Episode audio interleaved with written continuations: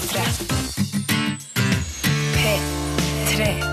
Dette er Lørdagsrådet med Siri Kristiansen. på P3. P3. God morgen og fortsatt god sommer. Det er deilig å være tilbake på jobb, selv om du antageligvis nettopp har gått ut i eh, ferie. Eh, sommeren, som vi jo befinner oss midt i antageligvis, eller sånn cirka, er en tid der det er veldig mange som finner hverandre. Det er mye flørting. Men så er det også ekstremt mange brudd. Noen har jo lyst til å være fri og franke før de drar på eh, ferie, mens eh, noen finner ut i løpet av ferien at det mennesket de bare ser litt i hverdagen, blir for mye når man plutselig har tid sammen. Det er én ting som går igjen i veldig mange brudd, og jeg har møtt eh, nå i løpet av den ferien jeg har hatt, eh, tre stykker eh, som har sagt akkurat dette her. Det funker ikke nå, men kanskje vi finner tilbake til det om noen år. Og eh, jeg skjønner at det er veldig deilig å si ved et brudd, for da virker det ikke så endelig. Men det er jo veldig sjeldent det går den veien. Opp gjennom åra vil jeg tro at det kanskje har skjedd to-tre ganger på verdensbasis at man har funnet tilbake til hverandre. Og jeg husker at jeg sa det selv også for mange år siden, at om fem år, fem år, da skulle vi treffe hverandre igjen og bli nyforelska på nytt. Det er eh, 15 år siden. Det er 15 år, tre kjærester i hvert fall, to barn og et hus siden. Så det gikk ikke den veien for meg heller. Men de fleste går heldigvis videre. Men hva når man ikke klarer det? Hva når man ikke klarer å glemme eksen, og man tror man vil tilbake dit? Vi skal hjelpe en av dem om ikke så lenge. Vi må bare vente til rådgiverne har eh, kommet. Og så tenkte vi også vi skulle ta et lite blikk tilbake på en som har fått hjelp i Lørdagsrådet tidligere. Men eh, det blir først eh, etter The Temper Trap. Dette her er eh, Sweet Disposition. Lørdagsrådet. På P3. P3. The Temper Trap var det der, og deres Sweet Disposition. Og du hører på Lørdagsrådet, hvor vi jo prøver så godt eh, vi kan hver eneste lørdag å gi deg råd basert på de problemene du måtte ha. Eh, Så da må du jo sende inn problemet ditt da, til oss. Eller nrk.no bruker du da som eh, adresse. Før sommeren så fikk vi inn en mail fra en jente som eh, savnet å ha kontakt med ekskjæresten til mammaen sin. Han var en slags pappa for henne i åtte år, og hun er veldig glad i han. Men kontakten den hadde sklidd ut, og de to siste årene har de ikke hatt noe som helst kontakt. Men nå ønsker hun å ta opp tråden, og samtidig er hun redd for å såre han. Kanskje minner hun han altfor mye om mammaen hennes, eh, eller har han også lyst til å ha kontakt? Hun var usikker. Da hadde jeg eh, med meg Are Kalvø, Ulrik Imtias Rolsen og Helen Vikstvedt. Og jeg tenkte vi skulle høre noen av rådene de ga da. Jeg tror at uh, her, ganske, For meg er det i hvert fall veldig opplagt at uh, hun ser hans verdier og liker ham, og det vil han bli glad for uansett. Å bli, bli, å bli sett. At noen liker han i den familien. Om ikke moren hennes gjør det. Jeg veit ikke helt eh, hva mora ville tenkt om det, men at han eh, sannsynligvis vil eh, like å høre at eh, jeg syns du er en eh, fin fyr, og jeg vil gjerne at vi skal møtes. Jeg, jeg veit ikke om noen som ikke ville likt å høre det, så eh, sannsynligvis vil han sette pris på det. Ja, jeg tenker jo det. Det kan kanskje være sånn at hun bør eh, spørs jo Jeg spørs litt hvor gammel hun er, føler jeg. Altså, men hvis det er sånn hun ikke bor sammen med moren sin og liksom ikke er sånn veldig nær moren sin sånn i hverdagslivet og ja, er under samme tak, liksom, da tror jeg kanskje det kan være greit å si fra at du, jeg kommer til å ta en kaffe med ekskjæresten din, men, men, og det kanskje kan være greit å si det samme hva, men jeg synes jo, jeg er jo helt enig at jeg tenker, det er jo helt topp det, hvis de har et godt forhold, hvorfor eh, skal de kaste det på båten? Bare for at ikke moren og han er kjæreste lenger. Dette er Lørdagsrådet. På P3. P3. Det var eh, noen av rådene Are Kalve, Ulrik Intias Rolfsen og Helen eh, Vikstvedt ga da de var her før eh, sommeren. Og vi har fått en mail igjen fra denne jenta. Hun skriver til oss. Hei, hei igjen, Lørdagsrådet. Tusen takk for gode råd. Etter å ha hørt dere diskutere problemet mitt, ble jeg helt sikker på hva jeg skulle gjøre. Mamma har ikke noe imot at jeg vil ha kontakt med han, så før uken var over, sendte jeg han en melding. Han ble kjempeglad for å høre fra meg, og sa at han hadde savnet meg veldig. Vi ble enige om at vi skal holde kontakten fra nå av, og vi skal kanskje møtes i sommerferien. Dette gjorde meg utrolig glad og lettet. Det blir nok ingen Italia-tur, men en solskinnshistorie ble det da likevel. Og tusen takk for at jeg appåtil vant T-skjorta. Håper dere får en kjempefin sommer. Hjertelig hilsen gladjente 15 år. Så glad kan du også bli, selv om det hele kanskje ser mørkt ut nå der du sitter. Det er derfor vi er her, da, for å hjelpe deg over kneika. Og de som skal hjelpe deg i dag, eh, det er Selda Ekiz, Asbjørn Slettmark og Bjørnar Moxnes fra partiet partiet Rødt. De eh, kommer eh, hit nå hvert eh, øyeblikk. Vi skal bare høre to finfine låter først. Dette er Lørdagsrådet På P3. P3. Eh, Dagens rådgiver i Lørdagsrådet har funnet plassene sine, og jeg har med en erfaren rådgiver, Asbjørn Slettemark. Hei sann. God morgen. Og så har vi to helt nye som aldri har vært rådgivere her før. Og det er Bjørnar Moxnes, god morgen, God morgen, god morgen. fra partiet Rødt. Det stemmer. Leder og sjef. Ja, Høvding. til og med. Ja, ja. I veldig ung alder. Hvor gammel er du? Nei, jeg er bare 31 år. Shit. Så jeg er Norges yngste partileder. Gjennom tidene? Eh, vi sier det. Er Torbjørn Røe Isaksen sur? Eh, han er alltid sur. Ja, så det er sant. noe- For han er eldre enn 31 år, så han har ikke sjanse til å ta deg han, igjen. han er en olding i en halvgammal manns kropp. Det er sant. Så, mm. Ja, sånn vi er er gode venner, er altså. Vi er gode venner, derfor tåler jeg at jeg sier det. Ja, men Han sier at han har flere venner utenfor sitt eget parti enn innad i sitt eget. har han innrømmet. Men det er Det skjønner jeg veldig godt. Ja. Ja, men det, det er litt sånn der eh, 'Some of my best friends are black'-aktig ting Ja. å si. da. Ja, ja. Jeg har masse homofile venner, er det også Ja, ja. noen som sier. Ja. Ellers er det den eh, gudfaren-greia. Altså, keep your friends close, but your enemies closer. Mm. Det kan være derfor Torbjørn er såpass nære. Ja. Ja, det, der må dere bli enige om over en flaske et eller annet en dag. Du, vi må ikke, nå Stakkars Selda sitter Kan jeg si noe nå? Jeg har ikke blitt introdusert osv. Selda Ekiz fra, fra NRK. Jeg, jeg har lært meg etternavnet ditt. Jeg drev og pimpa i stad på og skulle si det sånn fancy med masse Åssen da? Ja, Ekic, og jeg skulle liksom gjøre sånn at det hørtes ut som jeg var fra Tyrkia, ja, men eh, det er enklere enn som så. Ekis. Du har det sånn sett streiteste navnet, Asbjørn Slettemark. Her i kveld. I Ja, det har jeg faktisk. Ingen rare bokstaver. Med mindre du er utlending og tenker at Ø er en veldig rar bokstav. Litt. Men du har Bjørn Slette Mark. Altså, er veldig, du er veldig sånn naturlig norsk og fin i navnet ditt. Jordnært, er det det du sier? Ja. Da blir mamma glad. Og Bjørnar, du har fått en X i navnet ditt. Ja, Det er en sånn uh, forfining som jeg tror at oldefaren min gjennomførte. Fra KS til en fancy X. Så det er bare juks. Kanskje han prøvde å spare Ja, ja det. det kan også være at det var, at det var dyrtid og 30 år og lite penger. Ja. Så for å spare blekk Jeg tror, jeg tror Selda har rett. Det kan òg være en veldig tidlig versjon av artistnavn. The artist formerly known as. En dag kommer det en unge i den flokken her som kommer til å oppnå et eller annet. Ok, Vi pleier å gjøre her i Lørdagsrådet en runde på uh, sånn sivil status. og Da mener jeg ikke bare har du kjæreste eller ikke, men har du barn, har du dyr, uh, har du fått egen hytte ennå, eller er du fortsatt på foreldrene dine? Altså så videre. Vi tar en kjapp runde på det, så vi vet hvilken plattform vi står på når vi gir råd. ikke sant? Gjerne sleng med uh, Har du blitt dumpa noen gang? Har du opplevd særlig Altså Litt sånn kjapp runde på det. Skal du, Asbjørn, du begynner siden du har gjort det før. Ja, faktisk, Siden sist jeg var på Lørdagsrådet, så har jeg blitt skilt. Nei! Ja, ja, Det er nitrist. Ja, ja. Er det fint? Skilt, eh, fått meg kjæreste og blitt samboer på nytt igjen. Nei. Ja, så Jeg er kjempelykkelig sånn sett, eh, sånn på sivilstatusen. Og så har jeg hytte i Mellom-Amerika. Ja, det er sant, ja. Mm. Hvilket land da? I Costa Rica. Nice. Sammen med Thomas Seltzer fra Trygdekontoret. Det er det ikke mange som kan si. akkurat Hvordan setningen fikk du til det? Hæ? Nei, eh, Thomas Seltzer ringte meg en dag og så spurte han Asbjørn, er du med på å kjøpe et hus i Costa Rica. Jeg står rett ved siden av deg nå. Og så sa jeg ja.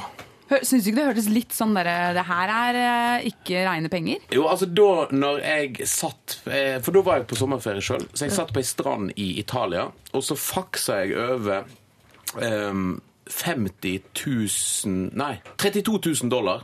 Faksa jeg over til Banco Popular de Costa Rica. Så bare så jeg faksen, gikk gjennom det. Jeg bare tenkte de pengene der Jeg skal ikke regne med at de eh, Kommer går til riktig tilbake. person. Men eh, Du fakser, da. Det er veldig få som gjør det. Hvor gammel er du? nå er jeg 38. Dette er da ti år siden. Å, Så det var, det, var, det var derfor jeg faksa. I dag Å, ja. er vel Så du fikk din første hytte i en alder av 28. Det er helt riktig, ja. Så der skulle du hatt sånn, eh, sånn villasafari, Bjørnar. Ja, definitivt. Du så den komme. Jeg, jeg så den komme. Ja. Men jeg har dessverre ikke noe hytte, da, verken i Oslo, på Sørlandet eller i Mellom-Amerika. Så der ble jeg slått på flatmark av Slettemark. Ja. Åpenbart. Det var veldig dårlig. Eh, Men jeg har samboer. eh, Ikke skilt. eh, Har barn. eh, Halvannet år er hun, eh, Maja. Eh, Og jeg har blitt dumpa. Det har naturligvis skjedd. Det var trist, men jeg kom meg gjennom det med enorme mengder ostepop og dårlig rødvin. Ja. Har du dumpa noen? Eh, Ja, det har også skjedd. Jeg mener at alle bør dumpes og dumpe i løpet av livet. Dumpy, dumper. Vi hadde, vi hadde en hytte forresten på Biri, som er eh, Mjøsas eh, vakreste bygd. Jeg forbinder det med trav. Ja, det er en mye travbane. Ja. Det var oppi, nei, nei, men altså, det er en annen, det er en, det er en annen historie, men, men det er etterpå. Men i hvert fall det var da oppe i skauen, så det var på en måte verken nede ved Mjøsa eller på fjellet, men det var veldig mye mygg, og så var det skau. Ja. Og midt i skauen så var det en liten hytte, og der hadde vi hytte. Hva, hva skjedde med den? Fikk du solgt den gikk, gikk ut av bruk, så nå tror jeg den bare Den blir nok sikkert solgt, ja. Så det er en hytte der som ingen bruker? Som folk kan bare ja Kanskje finne- ut? Hvis noen vil. Det er sånn å... hytte er det jeg vil ha, som er midt i skogen. Ja, bare at du må forbi et, eh, gjennom et jorde hvor det er ganske mange illsinte hester. Jeg livredd Eh, Og så går det ikke Det noe sti heller. opp til, eh, Shining-opplegg, det her. ja. Altså, jeg, jeg skjønner ikke at noen Det ble ikke eh, Legge den ut på Finn. Fin. Den hytta. Ja. På Finn. Uh, OK. Barn. uh, samboer. Uh, ikke hytte. Uh, litt hytte, da. Litt hytte, men ikke i Mellom-Amerika. Ikke Mellom-Amerika. Jeg ble aldri blitt ringt av Thomas Helse og fått tilbud om å kjøpe en hytte noe sted, så Det det, er litt bitter. Det kommer. ok, ja. Eh, Asbjørn. eh, ny kjæreste. Hytte i Mellom-Amerika. Mellom Ja, og, ja, og samboer. Ja. Og samboer. Og veldig lykkelig. Veldig lykkelig. Selda? Eh, også veldig lykkelig, eller helt greit egentlig, mm, nettopp blitt samboer. Eh, og så eh, har jeg dumpa og blitt dumpa. Eh, nei, vent, ja. Eh, og så em, er jeg ikke så veldig glad i mennesker. Det kan kanskje være bra Ja. når man skal høre på råd. Altså, så jeg er ikke så veldig trøstet av meg. Veldig sånn, mm, Du må gjøre det og det og det. Litt analytisk, heter det. Ja. Eh, ja. Litt sånn som hun i Broen. Ja. Og Aspergers, mener du? Er det det du har? Eh, Aspergers. Eh, Nja, ikke helt, men borderline. Kanskje litt. Litt borderline, ja. ja, ja. Men jeg gråter veldig mye òg. ja. De gråter, for jeg tror ikke de gråter. Nei, Er det sånn som gråter når-. Nei, ikke sant? Så jeg gråter litt mer, da. Men er det sånn som gråter når hesten dør, eller eh, når Nei. menneskene dør? Jeg gr eh, begge deler. Ja. Er det riktig svar? Nei. Altså, alt, alt er riktig svar. Alt er naturlig, vet du. Det, Du kan si hva som helst. Jeg kjøper alt jeg her inne nå. Eh, Dere skal få lov til å gi eh, masse eh, råd i dag. Både konkrete og emosjonelle. Og det, altså det er helt sånn fritt vilt, det Og det er lov, det er lov å gråte òg. Det er lov å gråte. Har du noen råd sånn innledningsvis, eh, Asbjørn, til de andre, siden du er den eneste som har vært rådgiver før? Eh, nei, jo, jeg har jo faktisk det. Og det er jo da å gå etter magefølelsen.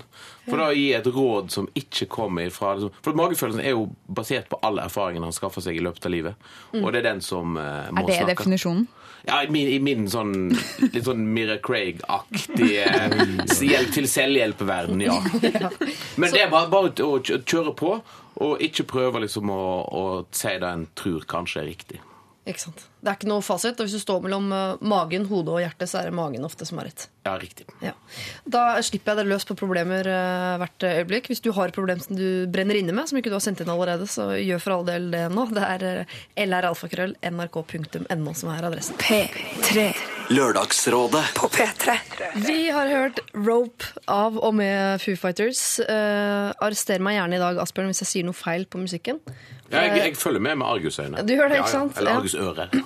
Bra. Eh, Bjørnar og Selda, nå begynner selve rådgivningen. ikke sant? Ja. Dette kan Asbjørn. Han har vært der to ganger før. Kanskje tre. Eh, Jeg leser. Hei, Lørdagsrådet. For et år siden ble jeg dumpet av min samboer. Vi levde fint sammen i et par år, og han knuste hjertet mitt den dagen det var over. Nå, et år senere, er jeg enda ikke over han, og jeg kjenner meg enda trist og lei. På slutten av forholdet gikk det dårlig for oss begge, da jeg var mye i dårlig humør pga. familiesituasjoner, men alt er i orden nå. Jeg føler forholdet er verdt et forsøk til, men eks-samboeren er sur fordi jeg tok hunden vår etter bruddet.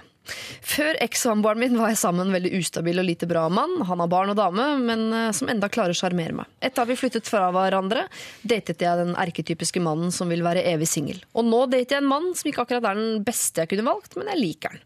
Så hva i alle dager skal jeg gjøre? Jeg føler meg ensom og trist, og at jeg bare velger mannfolk som ikke passer for meg. Hilsen en 24 år gammel knust jente. Altså Her er det en jente som hun har tatt for seg av kanskje ikke fruktfatet, men i hvert fall et eller annet fat fullt av folk. eh, og nå, eh, nå klarer hun ikke å slå seg til ro noe sted og veit ikke hvilken hest hun skal satse på. Hun vil aller helst tilbake til eks-samboeren, men han er sur pga. dette med hunden. Men så hun er sammen med noen andre nå, men tenker på å være Dater. Dater, ja. Ja. Hva betyr det? Er det sånn man ligger? Det er veldig amerikansk. Jeg vet ikke, De møtes sikkert litt sånn i Avslutningsmål. Men de er ikke sånn. eksklusiv. Det er et ord. Ja, de er ikke eksklusive, nei. nei. Jeg hadde en engelsklærer som sa uh, 'never redate your ex'. Ja. Det er gøy man får sånn livskunnskap fra engelsklæreren. Han var en kjempegammel godt. hippie Ja. som lukta litt sånn hud. Ja. Men uansett. Uh, og det, da var jeg i en sånn situasjon som henne. Ja. Eh, bare at jeg var mye yngre. Men uh, da var jeg liksom av og på med en type. Ja. Og til slutt så blei det bare slutt, Fordi det er jo en grunn til at det blir slutt. Ja, ikke sant? egentlig. Og spesielt hvis man har prøvd med å bo sammen, og sånt, og hun har tatt hunden. Ja. Ja, s- er Har hun den bikkja fortsatt? ja, det tror jeg nok hun har, ja. Hun har beholdt bikkja som et eh, vagt minne. av- Eller, eller et forhandlingskort. Men jeg tror ikke at en bikkje uh, er det som kan reparere et ødelagt forhold. Så jeg er litt enig her med, med Seldas engelsklærer. Da, at eh, det er best å legge det her bak seg og komme seg videre. Og heller glemme eksen eh, og legge han i en skuff og lukke den skikkelig igjen og låse den med et par hengelåser. Og så beholde bikkja og finne seg en ny, uh, ny fyr og glemme denne tidligere fyren fullstendig. For ellers så blir du hengende fast altfor lenge, og da blir du gående i negative sirkler. Så det er mitt råd. Ja. Men hvis han er den beste, da? Jo, men jeg tenker at han ikke er den beste. For det, Uten at det skal bli helt sånn Breivik og snakke masse om prosenter og, og, og um, sannsynlighet og sånne ting, så tenker jeg at han fyren her, da, han første, han som er sur pga. hunden, han er en sånn 70-80-prosenter for henne. Og så etterpå så har hun truffet noen 30-40-prosentere. Ja. Og så tenker hun at ok, jeg vil tilbake til 70-80 eh, så vellykka forhold. Men da må hun, gå for, hun må jo gå for 100. Ja. Altså, jeg tenker at Han er sikkert bedre enn de som hun har rota seg borti, men det høres ikke ut som en bra nok type. Og så har det bare gått ett år. Det tar jo Ja. kjempelang tid å komme seg over noen. Hvis Ja, er det ikke liksom- to som er liksom uh, Er det det ikke halvparten av den tida man har vært sammen med? Jeg veit ikke. Oh, ja, sånn. Jeg kan ikke sånt. Men ja, ett år, det er også hvis du liksom ligger litt rundt bare for å, fordi du tror at det her er det som skal, som, som skal til da, for at jeg skal komme over han, da tar du feil. Du må finne deg sjæl. Gå på tur med hunden. Jeg går mye på sånne lange turer. Lange turer i Jotunheimen. Begynner yoga. Men er det ikke ofte sånn også eh, Hvis hun ikke slutter å tenke på han eksen, så vil alle andre hun holder på med også virke mindre bra for, nettopp fordi hun driver og sammenligner, og han står der i veien, og at hun aldri kommer til å møte han 100 med mindre hun legger fra seg 80 man må lage en liste da, over, over eh, alt det negative ved eksen, og hvorfor det blei slutt. Altså utenom det med bikkja. da. Ja. Og så ha den lista foran seg hver morgen og tenke han har jeg ikke blitt sammen med igjen. Da tror jeg det er lettere å komme seg videre. Altså. Men da tenker du på han. Ja, men jeg, I jeg, tror, jeg, tror, negative assosiasjonene. da. jeg tror at dette er litt at hun Nå har det gått såpass lang tid at hun er i ferd med å eliminere de kjipe tingene med han sånn originaltypen. Ja. Og så bare huske de fine tingene. Sånn som Jeg merker vel at jeg bodde seks år i Bergen. eh, og når jeg tenker tilbake på den tida jeg bodde i Bergen, så var det den fineste, vakreste, mest eh, solfylte tida i mitt liv. Både på innsida og utsida. Og så kom jeg tilbake til Bergen. Og så står jo regnet sideveis, og det er kjedelige, lange dager, og folk er litt treige og sånne ting. For jeg har liksom eliminert vekk alt som Men man ikke husker var jo kult. ikke smerte. Nei, det er Det er nettopp jo- sant. Så, Så så jo, le, jo lenger hun driver og messer på dette her, jo mer sånn gyllent bilde kommer hun til å få av han X-typen. Så jeg tenker at her må han rett og slett bare kutte, kutte strengen. Men det er noen få ganger hvor det faktisk er verdt å ta en ny runde med eksen. For det hender jo faktisk at eksen er uh, mannen i ditt liv. Det vet man jo ikke. Men jeg, en sånn der, uh, ting som jeg tenker på da noen ganger, er at hvis du savner hvis du husker det negative, og du savner det, så er det ofte fordi de, de positive tinga ved folk, det går ofte igjen. Alle, Det er de samme greiene. Trofast og morsom og snill og de greiene der. Men det er de negative små tingene. Hvis du liker de hos som person, da er det verdt en ny runde. Bare sånn, Ikke sånn alvorlig negative ting, men sånn, Sånn, ja, Og jeg syns det var fint at han ikke vasket doen ordentlig. Og... Sånn type ting. Ja, at han, ja, alle de tingene som irriterte deg over mens man var sammen. Hvis du savner de tingene, da syns jeg man kan gå en ny runde. Og ofte så er det den nye runden også som virkelig gjør at du låser kista for godt. For sånn, det der Det er sant. ja, Sånn som en, en ny tur til Bergen, og du ser at sideveisregnet er der. liksom. Da klarer man å legge Bergen bort. Men hun nevnte noe med familie. Hvorfor ble det slutt? Det var veldig mye Det var dårlig, mye dårlig humør. Hun var det? Hun var i litt dårlig humør ja, pga. noen familiesituasjoner, men det er nå det over. Ja, det, det vet man jo ikke, men det kan jo være at det Jo, det høres litt ut som å lete etter årsaker til at det ble slutt. Altså, jeg Ja. syns det- hele dette uh, um, Hele innsalget av han X-typen òg er litt sånn halvveis. Ja. At, den, at hun egentlig kanskje mest av alt trenger en bekreftelse på at noen sier at Unnskyld, men han fyren der, han er du ferdig med. Livet står og venter på deg. Du er 24 år. Du er sannsynligvis 60 år igjen. Ikke kast de vekk på han fyren som ble sur pga. at du stakk av med hunden. Fuck. For alle dere tre nå, eh, både eh, Asbjørn eh, og Selda og Bjørnar, er i forhold hvor dere nå liksom, det beskriver dere selv som lykkelige. Kan dere huske om inngangen til disse forholdene var sånn Ja, Helt grei. Åtte. Jeg går for den, jeg. Jeg går for det her, liksom. Eller var dere skikkelig forelska? Jeg var skikkelig forelska, og så var ikke han det. Og så ble det slutt, og så tok det et år før eh, vi hooka opp igjen. Det her var veldig dårlig gjort av meg å si. Jeg burde ikke ha stilt det spørsmålet. For nå hadde jeg tenkt å runde av, og så kommer det der. Det var full klaff fra Full klaff? første øyeblikk, og da, vis- da veit du at det er den rette personen. Og det er åpenbart ikke full klaff med denne eksen, så da tror jeg at det er lurt å bare runde av det og gå videre. Gå videre og finne 100 Ja. Ja. Jeg tror du sier det, 24 år gammel knust uh, jente. Du har ikke møtt 100 ennå, så Du må legge bort eksen.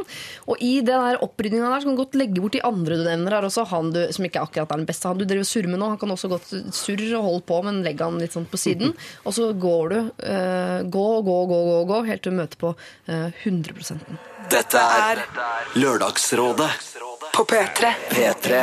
Røyksopp har vi hørt, og deres Only This eh, Moment. Og her sitter jeg midt i Lørdagsrådet sammen med Selda Eker. Ah, Jeg prøver, men jeg prøver å fjonge det til. Sorry, jeg vil at det skal være vanskeligere enn det er. Men Selda er én tiss, eller ekis, eller en kis. En kiss. En kiss. Ja, det er ikke at jeg ikke husker Jeg kan stave det òg. Jeg, ja. tror det skal være vanskeligere enn det er. Og har liksom grua meg for at jeg må uttale ting på et annet språk. og Selda, Bjørnar og Asbjørn, kjempehyggelig at dere er her og er rådgivere i dag. Vi skal ta et eh, problem eh, som også er litt sånn fra forskjellige land og sånn. Kan, eh, kan bli interessant. Jeg er opprinnelig fra Asia og giftet, giftet meg med en nordmann. Vi har skjønne barn som krever mye oppmerksomhet. Jeg valgte å ta en kveldsjobb da vi fikk vår eldste datter, sånn at jeg kan tilbringe mye tid med ungene på dagen. Jeg jobber fra 17 til 20, så min mann er hjemme med ungene. Når han kommer hjem fra jobb, spiser vi mat, og så legger han seg på sofaen og sover en time mens ungene leker og jeg går på jobb. Det er han som legger ungene hver dag, bortsett fra når han er på trening. Mitt problem er at han hviler middag i én time, og når han legger ungene, så sover han til eh, halv elleve eller elleve. Han sier at øynene er trøtte fordi han har kontorjobb og ser mye på en PC. Jeg venter på han i stua, sånn at vi kan ha litt voksentid, men jeg blir trøtt av å vente på han, og så legger jeg meg. Han legger seg sånn to eller tre, og så skal han opp klokka seks fordi han skal på jobb. Hvordan kan man sove godt på natta når man har sovet i tre timer tidligere på kvelden? Jeg pleide å vekke ham før, men nå er jeg lei. Dette har jeg sagt til han, men han sier at eh, jeg ser bare negative ting, og jeg orker ikke å snakke med han mer om mitt problem og følelsene mine, for jeg er redd for at han igjen skal si at jeg er en negativ person. Han er min første kjæreste, og jeg holder ut fordi jeg elsker barna mine.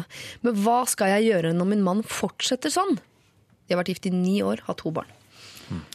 Skjønner dere? dere? Mm. Jeg, eh, folk er jo forskjellige, men det er noe som heter søvnhygiene. Jeg blir sliten i huet av å høre på hvordan han sover. Ja, Han sover først middag, så sover han litt til, og så sover han midt på natta, og så står han opp jævlig tidlig. Han sover i etapper. liksom. Han sover en time ved middag, og så sover han noen timer med ungene når han legger de, og så sover han sånn tre-fire eh, timer i den senga som egentlig er hans rede. da.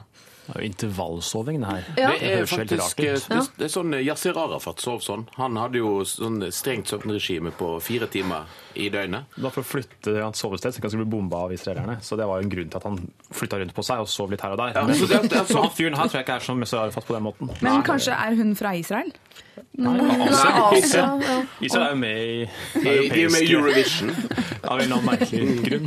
Men altså, jeg Men hadde det noe effekt for Yasir, dette Ja, med altså, fire grunn, timer altså siden? Grunnen til at folk sover sånn intervallsoving, er jo at hvis du skal sove så lite som mulig Du kan, du kan minimere soving ned til ca. fire timer i døgnet. Altså Da kan den menneskelige kropp overleve, men da må du sove nøyaktig likt på de samme tidspunktene på, på oh, ja. døgnet. Altså, han sov fire timer, han sov ikke én og en time. Det var fire i ett strekk, To, to, that's to, it. to pluss to.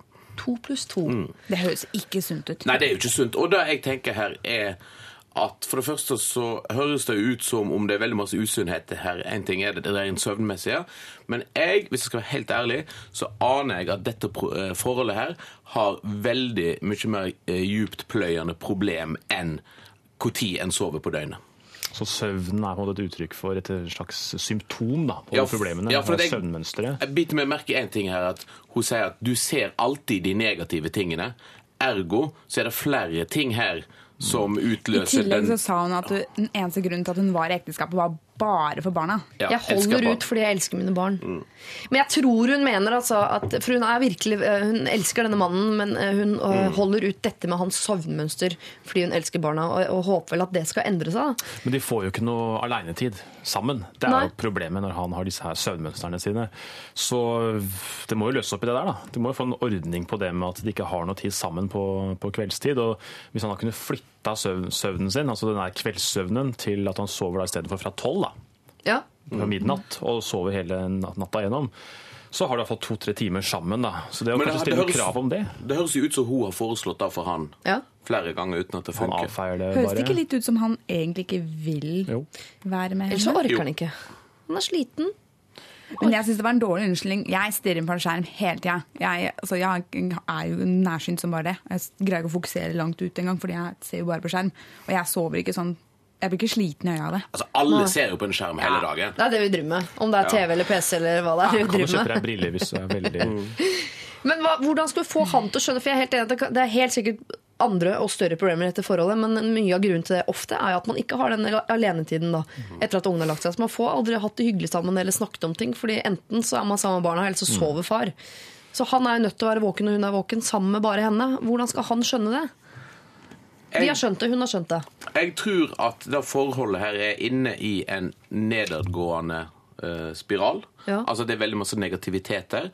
Uh, og at skal en få en orden på det, så trenger hun, um, som da sender inn problemet, hun trenger å ta rett og slett et oppgjør med han, en eller annen form for konfrontasjon, samtidig som hun må ta to steg tilbake og tenke ok, hva altså Nå kan ikke jeg bare gå inn her og måtte peke finger, konfrontere. Jeg må tenke, er det, Kan det være at det er et eller annet her jeg gjør feil?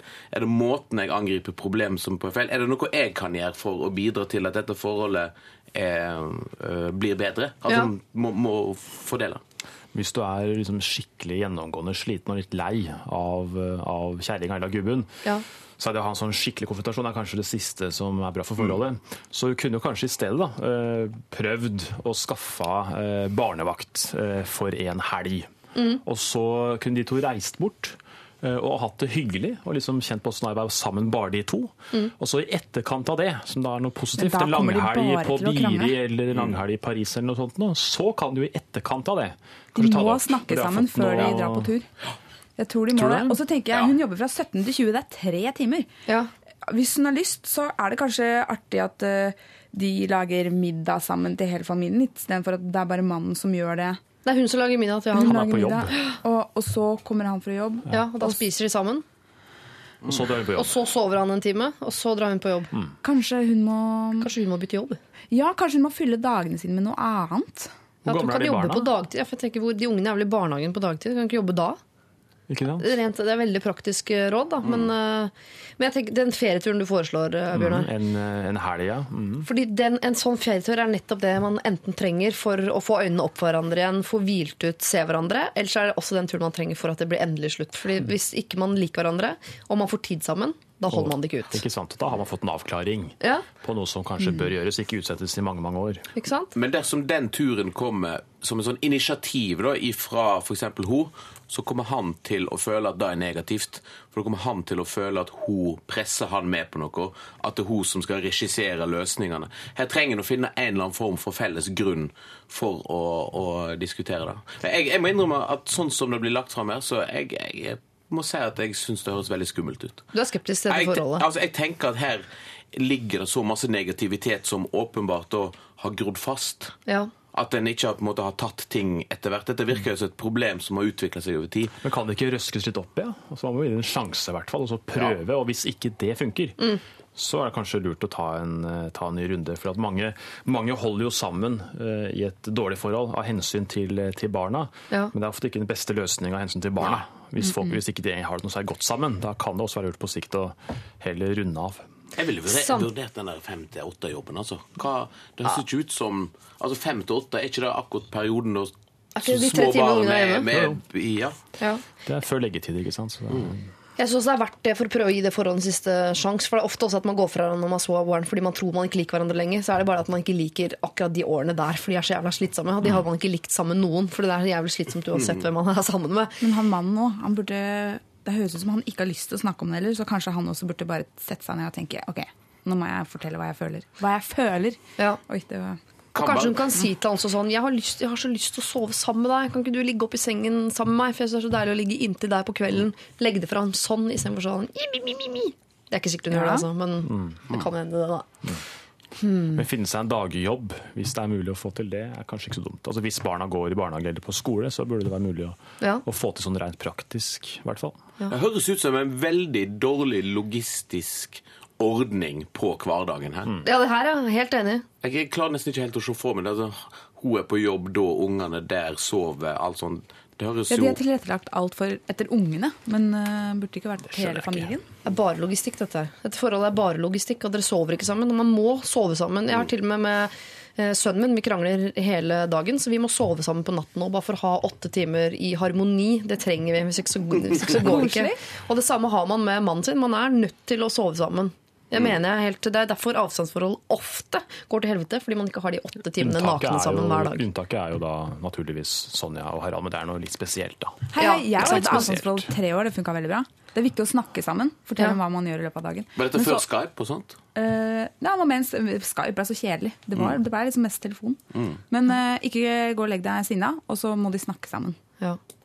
Lykke til, sier jeg. Eh, eh, Ja, jeg er enig at dette kan høres ut som en litt sånn negativ spiral, så jeg må ta, røskes opp noe skikkelig. Bytting av jobb, eh, sette bort unger, reise bort. Her er det ikke bare, det er ikke en liten konfrontasjon. Dette er ikke noe som ordner seg. Det her må liksom virkelig røske opp med rota, ta noe skikkelig grep. Jeg tror det er en viktig ting. Jeg tror nok han mannen er et problem. Ja. Men jeg tror òg at hun som sender inn dette, her må ta, og ta to steg tilbake, se på seg sjøl.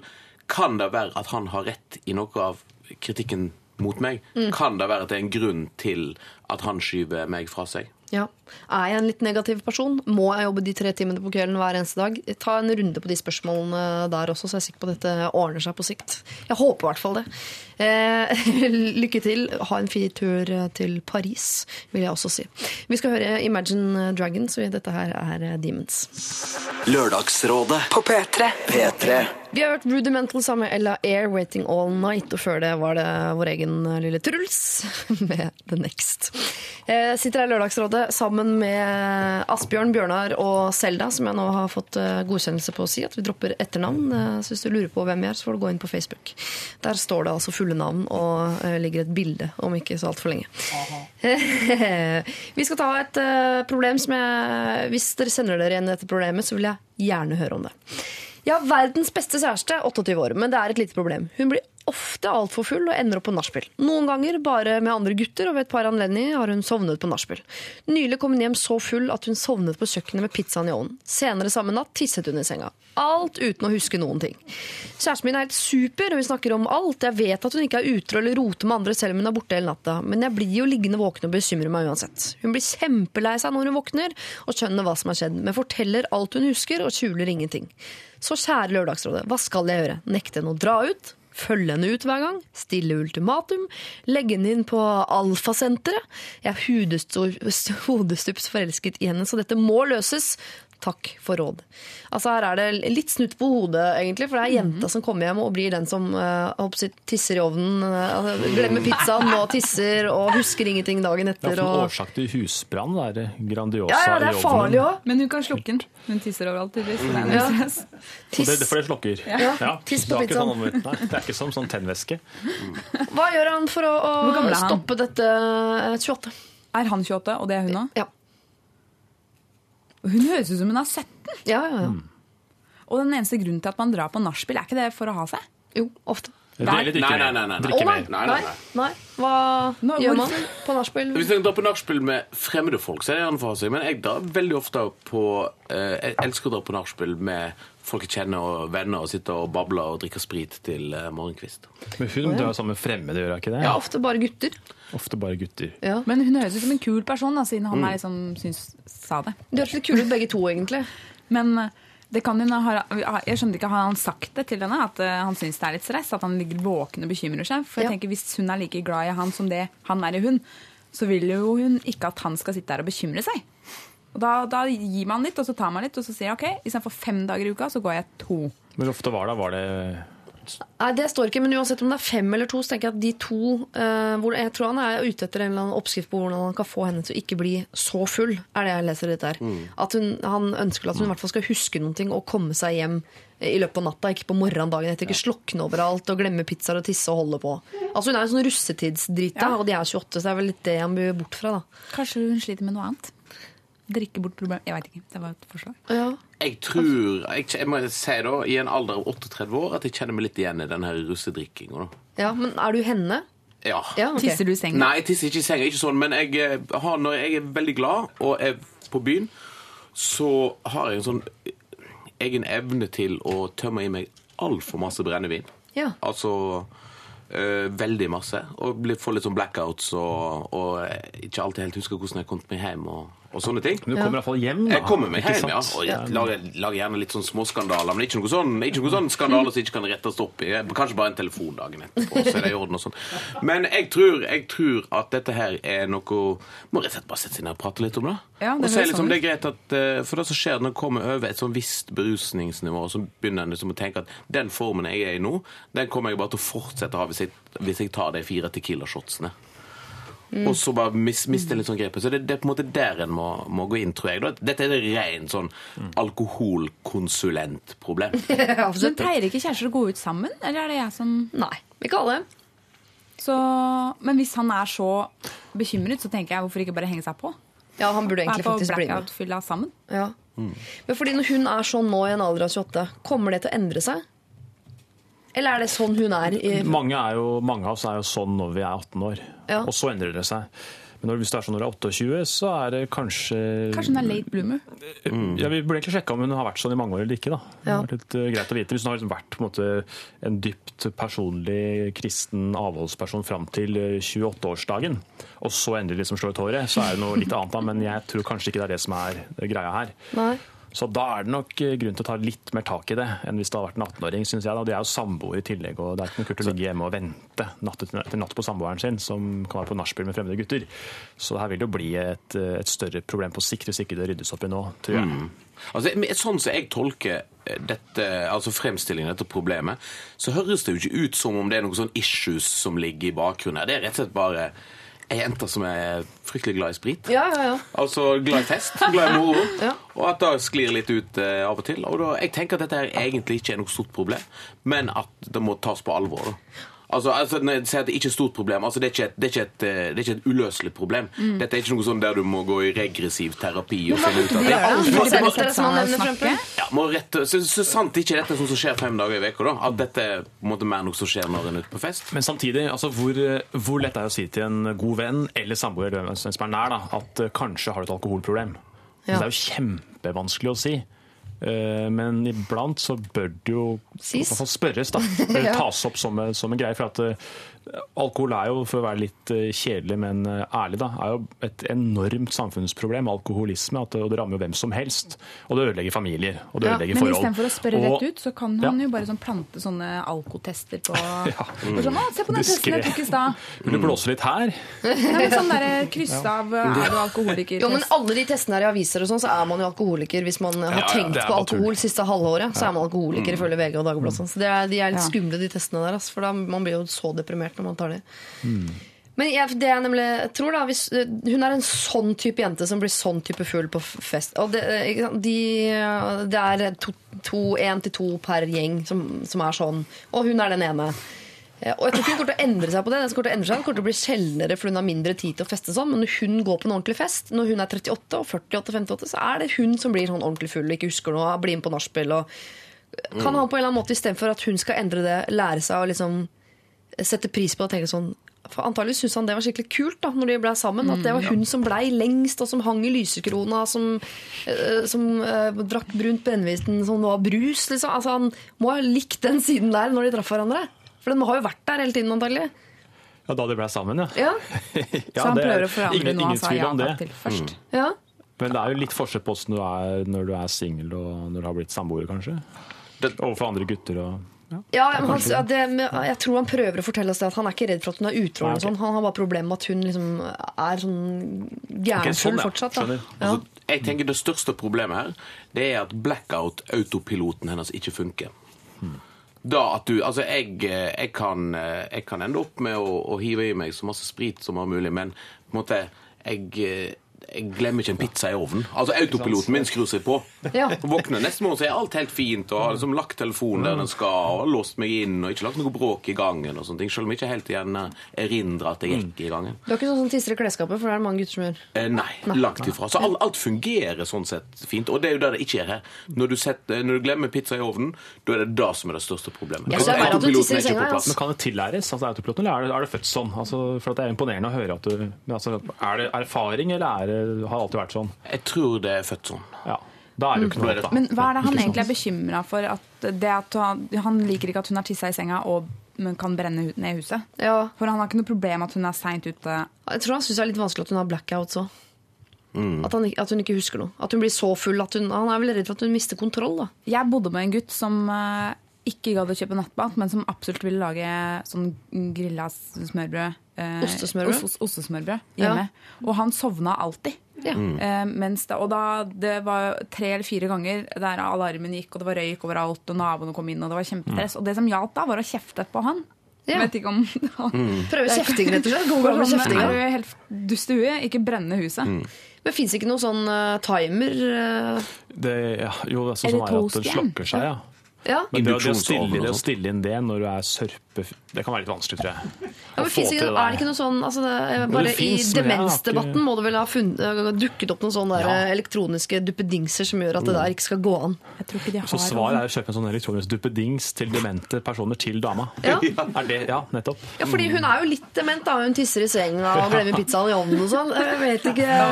Kanskje hun skulle fått øh, Det er jo ikke Alfasenter hun skal inn på, det er jo Det er et gamlehjem hun skal inn på. Røa eldresenter. Oslos aller nyeste teknogamlehjem skal hun inn på, hvor de har alle hjelpemidler. Men det er ikke greia at hun må skjønne at han syns det er stressende? Det er bare Jo, men Klarer man å slutte hvis man er en sånn som drikker seg til blackout? Klarer ja, man da midt oppi oppe og det blir fornuftig mellom Tequila nummer 17-18 sånn Nei, nå må jeg stoppe, hvis ikke så tisser jeg i senga og brenner pizzaen i ovnen. Må, en må, må fokusere veldig på det edru tilstand. Hilsen snakker av erfaring. Hvis hun ikke er interessert i det, så er, da burde ikke de være sammen. Hvis han, altså. Han er hodesups forelsket i henne. Ja, ja, men alle er forelska til å begynne. med. Jeg gir dem fem år, så skjønner jeg Alle i et hus som brenner ned. Dette er en negativ nedadgående spiral. Det skal vi si på alt. På alle ting. Nei, vet du hva, engstelig. Du er hodestups forelska i hun dama her, og da må du prøve å være det hele døgnet. Og så vil hun antageligvis gjøre dette sjeldnere og sjeldnere, men sikkert, hun er sikkert sånn som gjør dette på julebordet sånn hele veien ut til hun blir gammel. Men det er gammel. derfor vi har julebord. Ja, det er kan- greit, mener jeg, på julebord. Det er hele vitsen med å ha den ene altså, ordentlige utblåsninga. Men hvis det er hver helg flere ganger i uka over mange år, så kan det bli slitsomt for han. Det kan jo skje ting med dama ikke sant, når hun er, har blackout, Ja. som han er redd for. Så det er lurt å roe litt ned, da. stygg hud av å drikke sånn. Bli med en Ja, man får stygg hud, det kan du si til henne, for det funker på mange jenter. Det er derfor du stygg hud av. Det er kanskje noe av det mest sånn Men skremmende du kan høre. får du det høre. av sprit? Er ikke det sånn rensende for uh, Nei, nei, av alkohol får man stygg hud. Det er derfor alle gravide som har gravide gløder. Det er fordi de har sluttet å drikke. Det er bare derfor. Vet du hva? Hun, de burde bli, hun burde bli gravid. Det er konkret.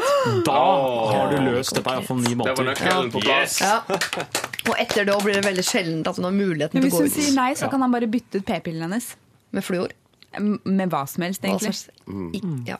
Eh, Smell deg på tjukka, eller bli med noe drikk, er også et eh, råd som jeg synes man kan bruke her. Eller lær deg å bli glad eh, i den siden som du sikkert likte når dere ble eh, forelska. Og sjekk om det finnes en sånn dementduppedingser eh, som du kan ha på ovnen. Nattbind eh, kan du også eh, kjøpe inn, og så legge inn en liten søknad på, det som vi kaller på for Røa eldresenter. på gamlehjemmet som jeg var på tidligere. Så legger en sånn slags eh, ganske tjukk eh, tekstilklump, så å si. Håndkle? Ja, bare mye tjukkere. Fra liksom kne og opp til, til skuldrene, altså, under, altså over lakenet. Ja. Det tar opp det meste av, av tiss og bæsj under søvn. Så det får du gratis sikkert. På nærmeste gamlehjem kan du få et par stykker av det og bare bruke det i senga. Og da kommer hun til å miste lysten på å drikke etter hvert. Hvis hun kommer hjem hver gang hun har vært på fylla, kommer hjem til et sånt eldresenter, Mm. eh, så kan det være at det er sånn nedrig for henne at hun slutter å drikke på et eller annet Skriften tidspunkt. på et kjempebra forhold. Alt er naturlig, alt er riktig. En øvelse på framtida sammen, antakeligvis også. Eh, Dette her eh, tror jeg ordner seg engstelig, men jeg skjønner at det er irriterende når dama di tisser i senga. Altså. Det bør hun faktisk slutte med. Dette er Lørdagsrådet På P3. P3. P3. Den ultimate kjærlighetslåta, mener mange. The Cardigans og deres Love Fool. Eh, Første gang hørt i eh, Beverly Hills. De hadde julebord, da kom The Cardigans. Det er gøy. Eh, Vampire Weekend hørte vi også før det. Diane Young der, altså. Eh, Vi skal holde oss til musikk, faktisk. Det er litt sånn musikkrelatert problem, eh, dette her. Eh, men av den vonde sorten. Kjære Lørdagsrådet. Og kjære Lørdagsrådet i dag består av eh, Selda, Bjørnar og Asbjørn. Jeg er en Jeg tar det på norsk. Jeg er en trufast lytter med et stort problem. Jeg bor i et borettslag i Oslo, og bygget er fra 1956. I de dager la man ikke stor vekt på isolasjon, og derfra kommer mitt problem. Naboen min, som er av asiatisk opprinnelse, er veldig glad i Singstar, karaoke. I går kveld så kjørte de kontinuerlig fra rundt eh, halv seks til eh, ti med slegers som eksempel Whitney Houstons sang I Wanna Run To You. Med et volum som gjør det at det overdøver lyden på min TV. De har også holdt det gående til typ ett på natta flere ganger tidligere, og i alle fall to kvelder forrige helg så var det fullt kjør i timevis. Ikke er de flinke til å synge heller. For et år siden så holdt jeg på å gå fra konseptet etter at jeg hadde holdt det gående også på dagtid flere helger på rad. Det var umulig å oppholde seg hjemme uten å ha på TV eller radio med et ubehagelig høyt volum for å overdøve dem. Da ga jeg beskjed og ba dem dempe seg, noe de også gjorde, men bare da denne ene gangen. Hvor mye skal man egentlig tåle av støy fra sine naboer? Er det en måte å få gitt beskjed på som gjør at de forstår på generell basis at de må dempe seg? Skal jeg snakke med han en gang, eh, med en gang det er bråk, eh, sånn at min vrede og eh, forargelse kan holdes i sjakk? Eller skal jeg invitere han over en gang de holder på som verst, så han hører hvordan det er? Skal jeg legge et brev og henge det opp i gangen så alle kan lese? Hjelp! Hva skal han gjøre her? Sånn konkret forslag på det hun kan gjøre mens det pågår, og hun holder på å klikke, er at hun burde ha kjøpt seg sånne øretelefoner som kan kansellere ut eh, støy. Eh, eller så kan hun også kjøre brunt, hvitt og rosa eh, støy. Lyd som man finner på nettet. Og, det, og kjører man det høyt nok, så skal det liksom kansellere ut ganske mye. Det er fysikeren. Hilsen Selda. Men ellers så tror jeg hun burde snakke med han. Veit de det, eller har hun, har hun sagt ifra til dem? At hun holder på å klikke? Han. Det er en han, Han, bare. Ja. Men rosa, hvitt, beige støy Nå, det er Eh, Det er brunt brown noise, og så er det white noise and pink noise. Blander du de og kjører på høy eh, decibel, så skal det kansellere ut alt annet støy. Og så er det sånn Det er kontinuerlig støy. Men det som- gir ikke noe lyd? Jo, jo, heller. masse lyd, men hjernen din greier å eh, kan, eh, Den aksepterer at den er der hele tida, så du legger ikke merke til den. Men plager naboen tilbake der, eller gjør det ikke det? Du vil at den skal det? Ja, ja. Skal vi plage naboene? Man kan ha sånn rustningskappløp. Prøve det først. Altså Skaffe seg et vanvittig heftig anlegg sjøl. Stille inn høyttalerne mot naboen, og så dure på med ordentlig Ren terrorbalanse. Sånn Guantánamo-musikk, da. Som Ja. de kjører på fangene der. Mm. Og så se om det har noe effekt. Og hvis det ikke hjelper, så kan det være lurt å ta en, en samtale. Og Mm. prate med dem. Og hvis det her er et eh, borettslag, for det er jo en, det er jo en bygård sannsynligvis eh, Ja, fra så har de- de har kanskje et styre og noen regler for dette borettslaget. Nå kommer da politikeren fram her. Da kan man jo gå til eh, styret og ta det opp da, og be om at styret tar tak i nakken på denne her naboen og, og sier fra hva som er reglene.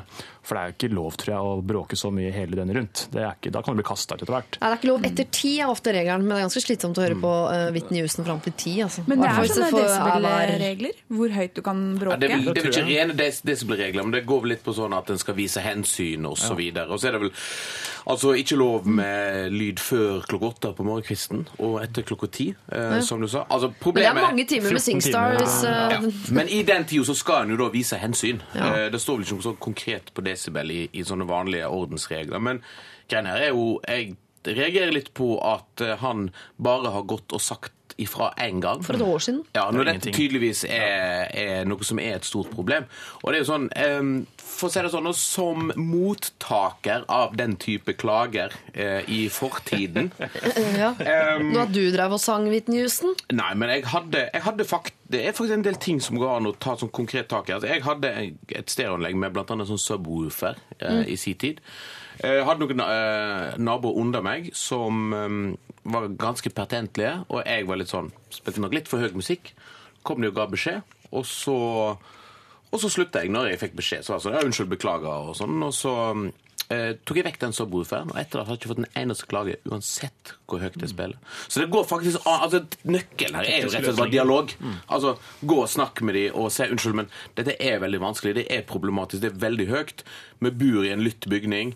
Eh, vi må vise hensyn. Eh, kan du kan dere gå en annen plass og holde på med dette? Ja, det? er litt rart at han eh, er så sinna og har lyst til å klikke, og det er så masse følelser, og så har han bare sagt det fra én gang. For hvis ikke de asiaterne veit at de plager noen, så er de er jo ikke, altså asiatere generelt med karaoke er jo ikke sånn at de, det er jo ikke derfor de har karaokemaskin. De vil jo ikke plage folk.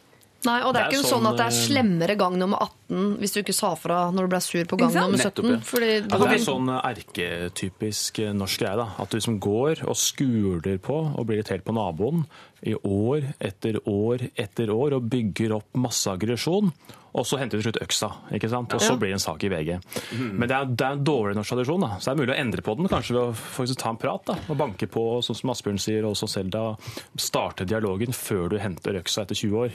Det tror jeg er lurt. altså, dette problemet burde vi tatt for lenge siden, egentlig. Ja, I hvert fall, i hvert fall i morgen. da. Ja. Søndag så bør den sette i gang. Men har det noe å si typen musikk og at de synger stygt? For han nevner jo hvilken musikk det er, og at de i tillegg synger stygt. Hadde, hadde det vært bedre hvis de sang en kul låt på en litt fin måte, eller? Ikke, ja, jo, altså, jo da, men ikke hvis de gjør det liksom 100 ganger etter hverandre. Da blir sjøl veldig fine låter ganske kjipe, tror jeg. Ja.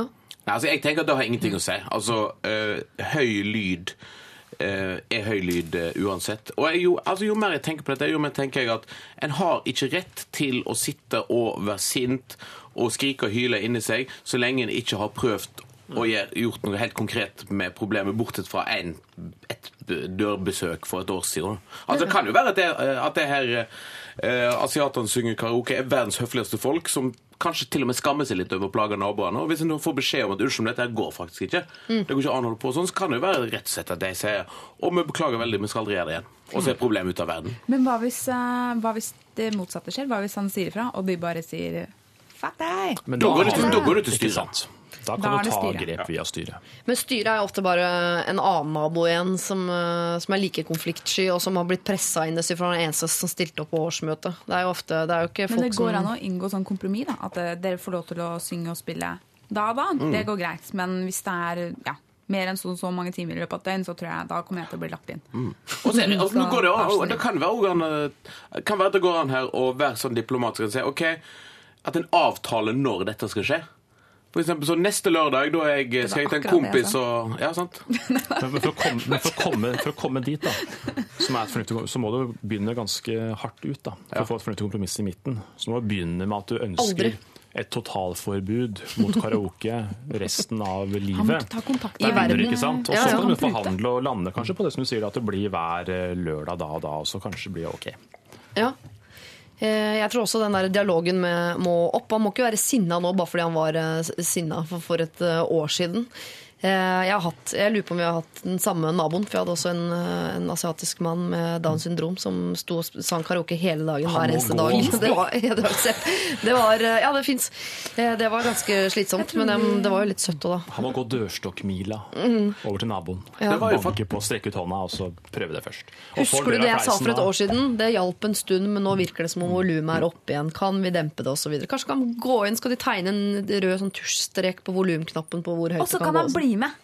Og synge? Ja. Jeg synes Det er mye kjipere å høre på musikk du ikke kan velge sjøl, altså, så lenge du ikke er med på moroa. Kanskje er det han sliter med. Han er ikke naboen. Ja. Altså, men han kan jo bare, hvis, hvis det er så fælt, så kanskje Men jeg tror det kommer til å løse seg. Han må snakke med dem, og så kommer de til å bli kjempegode venner, og så kommer de sammen til å plage de andre naboene. ja. Altså, ikke henge opp det brevet i gangen, som du nevner. Ikke la din vrede og kjipt. forargelse gå utover naboen. Du må gjøre det du gjorde for et år siden en gang, og funker det ikke som å gjøre det en gang til. og Det skal ikke gå et år imellom der. Mer åpenhet, mer dialog. Men hvis alt svikter, så Ja. kjøper du deg 14 subwoofere. Mm. Så spiller du da sånn mongolsk strupesang på maks volum inn mot naboen til det tar Asia. slutt. Ja. Ja. men De er ikke noe glad i mongolsk strupesang av den- grunn, tror jeg. Hvis du liker Whitney Houston på karaoke, da er det noe litt annet jeg er ute etter. enn- Det er ganske en... høy terskel for vond musikk hvis du kan uh, høre mye Whitney Houston, men uh, jeg er enig i at den der, uh, de subwooferne, de må inn. De må inn. Eller så kjøper du deg en sånn didgeridoo, og så setter du deg i stua og koser deg. Har du et problem, du som hører på, så send det inn til oss. Du kan bruke SMS. Det er kodeord P3 til 1987. Eller så sender du det på mails. Det er lralfakrøll nrk.no. Lørdagsrådet på P3. Blokkparty var det med Ratchet, og før det eh, CLMD, Black Eyes and Blue, som vi fortsatt spiller. Eh, og det er fint, det. Jeg blir faktisk ikke sånn kjempelei av den låta. Jeg synes den er fin. Men jeg vet at eh, produsenten her, han begynner å bli lei. Ja! Eh, jeg tenkte jeg skulle ta en sånn kjapp runde på eh, om dere har noen tatoveringer. Begynner med deg, Selda Eikes. Har du, eh, Ja. du har noen, vet jeg. Jeg har 13 stjerner på underarmen min på venstre, høyre, venstre underarm. Og så har jeg Som en, symboliserer Uh, ingenting. Det er født med stjerner. Uh, Men har du lykketall 13, eller ble du født den 13, eller hva? nei, nei, lykketall 13, fordi det er ingen som liker 13, og så er jeg litt sånn som liker ting Og så vil du være særinga mot strømmen. Nei, jeg syns så synd på den. Det er jo Hvorfor det? Det er bare tall. Men uansett, også har jeg et lyn her som jeg tok i, Polen. Fordi jeg hadde noen slåtis igjen, og så ville jeg ikke ha polske klær. Og så skjønte de ikke hva lightning bolt var. Ja, uansett. Og så gikk inn som en sånn unge i godteributikken og sa sånn Jeg skal ha tatovering for fem kroner. Ja. Den kosta 350 spenn. Ja. Det, var, det ser du på den. Eh, og så har jeg en pinup med store pupper her, sånn, som alle tror er det deg, men jeg, jeg syns ikke blondiner er så fine. Og så er det kjipt å ha menn på armen. Eh, og så en hårete bein. Men så har jeg et heliumatom, og så har jeg grønne øyne fordi jeg er storesøstera mi, og pannelugg fordi det er lillesøstera mi. Så det er en slags tribute til, Mm, Til kvinnen i familien. Ja. Er det ikke noe mor der? Har hun røde sko, eller Puppene? Ja. Har du fortalt det til henne? Ja, eller pappa sa det. Ja. Han eh, så det, så sa jeg ja, det er grønne øyne for det er storesøstera mi, pannelugg for Pina, lillesøstera mi, og så heliumatom for masteren. Og så sa han hvorfor har hun så store pupper, da? Og så sa jeg nei, jeg veit ikke, kanskje mamma har? og mamma sa sånn hi-hi. Ja, Det syns jeg var fint. ja. Hun har veldig store pupper, da. Ja, Får det av før jeg trømmer ut. Slekt. Bjørnar Moxnes, har du noen tatoveringer? Altså, jeg har ingen eh, synlige. Nei. Jeg har heller ingen usynlige. Nei. Så det er fort gjort. Er det eh, fordi du ikke har lyst på? Mm. Ok, men så du, har tatt et, eh, du har tatt liksom et eh, standpunkt til det? Skal ikke ha. Nei, jeg har bare aldri kjent eh, dragninga mot det. Så det har ikke vært noe sånn veldig bevisst, egentlig. Men syns du det er sexy med jenter med tatoveringer? Det kan være det. Ja. Det kan også ikke være det. Hva mener du? Syns det er sexy med uh, store menn med masse tatoveringer? Altså, det er definitivt sexy. Ja, Asbjørn? Hva? Det var en tribute til neste mann på lista. Fin overgang. Ja. Har du noen tatoveringer, eller? Ja, jeg har vel Jeg prøvde å telle en gang hvor mange ganger jeg har tatovert meg, men uh, 50, kanskje? Har du en du er skikkelig misfornøyd med? Um, ja, nei, skal vi se Eller blir du glad i det som Ja, altså, jeg har Nei, altså, på, alle, på et eller annet vis er jeg veldig godt uh, fornøyd med Da. For det er Ja. litt, sånn, litt sånn den klassiske sånn Det representerer en tid i mitt liv. Og sånne ting. Men jeg, har jo, altså, jeg er ganske fornøyd med den, det som egentlig er det styggeste, da, som er den høyre leggen min. Som er det jeg kaller for suvenirlegen. Ja. Det, jeg, det, det, er det er ingenting sammenheng. Det er bare hver gang jeg er ute og reiser eller et eller annet. Så hvis du ser for eksempel, Av en eller annen grunn så er det en Rolex-logo der.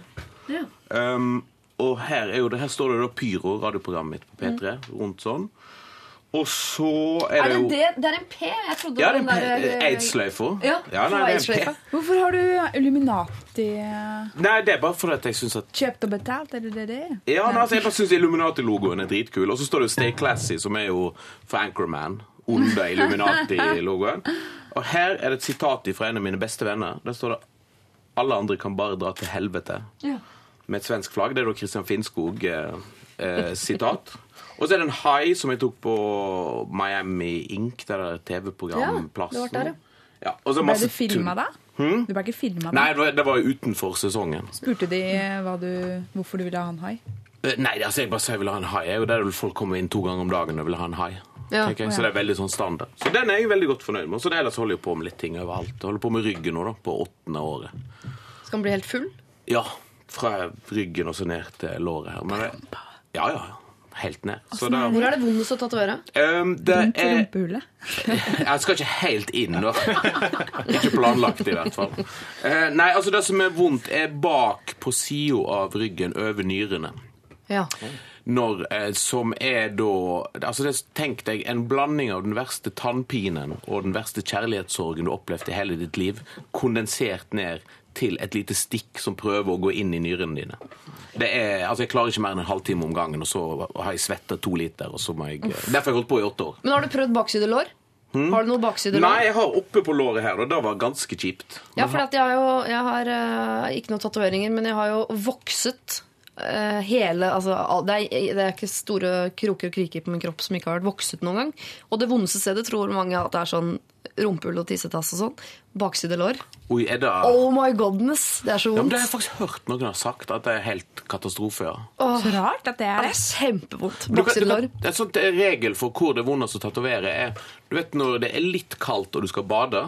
Og så går du ut, altså så de plassene der vannet kjennes kaldest. Altså, det er altså mage, ja, kanskje puppene for damer. Altså så over magen og sånt. Der, og i skrittet, selvfølgelig. Det er de plassene sånn erfaringsmessig det er vondest å tatovere seg. Men man burde ikke tatovere seg i skrittet.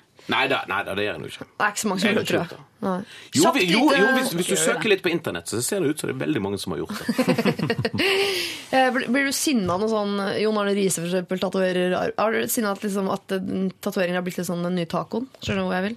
Er det noe galt med taco? Nei, nei, nei, men det er sånn plutselig så har det blitt folkets. Nei, nei, altså eh, Den tingen altså, Jeg syns det er mest morsomt når en ser sånn fotballspillere som tatoverer seg. Eksempel Jon Carew tok jo tatovering på halsen. Mm. På et eller annet sånt på fransk. Men så hadde han måtte, en jeg tror tatt feil sånn eh, Hva heter det? Aksent over en Og sagt aksent grav, der det skal være aksent gy. ja, så det som egentlig skulle det, det, er egentlig, det, Jeg tror det var sånn det som skulle bety mitt liv, det betyr det på fransk 'min mens'. Eh, Ja. Og det som står på Men det er litt morsomt, da. Det er, Det er kjempemorsomt. Det er dritgøy. Ja, man skal ikke Ja. være noe snobb av noen. Nei, nei, nei. Nei, Matsnobb, er helt- tattosnobb. Det er ikke det musikksnobb. Man Og er det en mann der ute som menser, så er det Karev. Det får jeg være helt sikker på.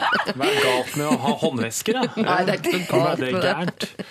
Vi snakker om tatoveringer fordi vi eh, hvert øyeblikk skal over i et eh, problem som selvfølgelig dreier seg om tatovering. Det er en jente som vil ha flere tatoveringer. Mannen hennes vil da altså ikke at hun skal ta disse tatoveringene. Og hun skal få vår velsignelse, eller eh, vår Hva er det motsatte? Motsatte- Fordømmelse. Vår fordømmelse nå uh, hvert øyeblikk. Lørdagsrådet På P3. P3 Susanne Sundfør har vi hørt, og hennes uh, Walls. Og i dag her i Lørdagsrådet så sitter jeg sammen med Selda Eikes, som du sikkert kjenner best fra Newton. Eh, eller hvis du er mann, kanskje fra mann. det, må være lov, det må være lov å nevne det, Selda. Veldig fint bilde da. Ja, ja. Ja, jeg har googlet eh, før dere kom, eh, både Selda, Bjørnar og Asbjørn, så har jeg googlet dere, men mest sett på bilder, ikke så mye på tekst. Så jeg vet veldig mye om utseendet deres, ikke så mye hva dere driver med. Eh, men du fikk Gullruten beste programleder kvinne 2013. Kvinne. Veldig mm. flaks der. Var det gøy? Det var kjempegøy. eh, og veldig uventa. Og så fikk jeg klemt Leo Ajkic. Han er høy. Han er jævlig høy. Men er det, jeg tenkte på, er det ikke surt å få for beste kvinnelige programleder for et program, og så skal du ikke lage det programmet mer? Eh, nei eh, Fikk du ikke lyst til å ta én runde til med Newton? eh, Jo, jo, jo. Det jeg, har jeg hatt lyst til lenge. Men så tenkte jeg nå, har jeg, nå har vi snakket opp, og nå er, nå er det ferdig. Så det var mer sånn derre Yes, nå har jeg en! Og så Jævlig kul spiker i kista, liksom. Ja, Ja, takk og farvel, uh, Newton. ta den! Litt eldre, eh, men bare noen år. Eh, 31 år gammel, Bjørnar Moxnes, og leder for eh, partiet Rødt. Eh, hvor lenge har du vært leder nå? Et år? To? Ja, ett år. Et Ett år. Så du var 30 når du trådde inn i de skoene. Hva het hun dama som var der før? 31 minus Ja, det ble 30. Mm. Ja. Yes. Hva Ett het hun dama? Eh, Som eh, var før meg. Ja. Eh, Turi. Hun har aldri hørt om. Turi Thomassen. Hvorfor har jeg ikke hørt om henne? Satt hun lenge? Nei, du, da har du ikke fulgt med godt nok. Nei, jeg har ikke. Altså, hvem var før henne? Bare for å sjekke om jeg har hørt om Det var. Torstein Ikke sant, for han har jeg hørt Dale. om. Veldig er- høy fyr. To meter høy. Ja. Enorm uh, flink fyr fra Bergen. Ja. Brande, rett og slett. En Brande fra Bergen som snakker, snakker oslosk. Oslosk. Mm. Ja. Og uh, Asbjørn Slettmark, den eldste av oss. Er det 38 du har blitt nå? Nei, nå er jeg 38, ja. Nå er det 38. ja.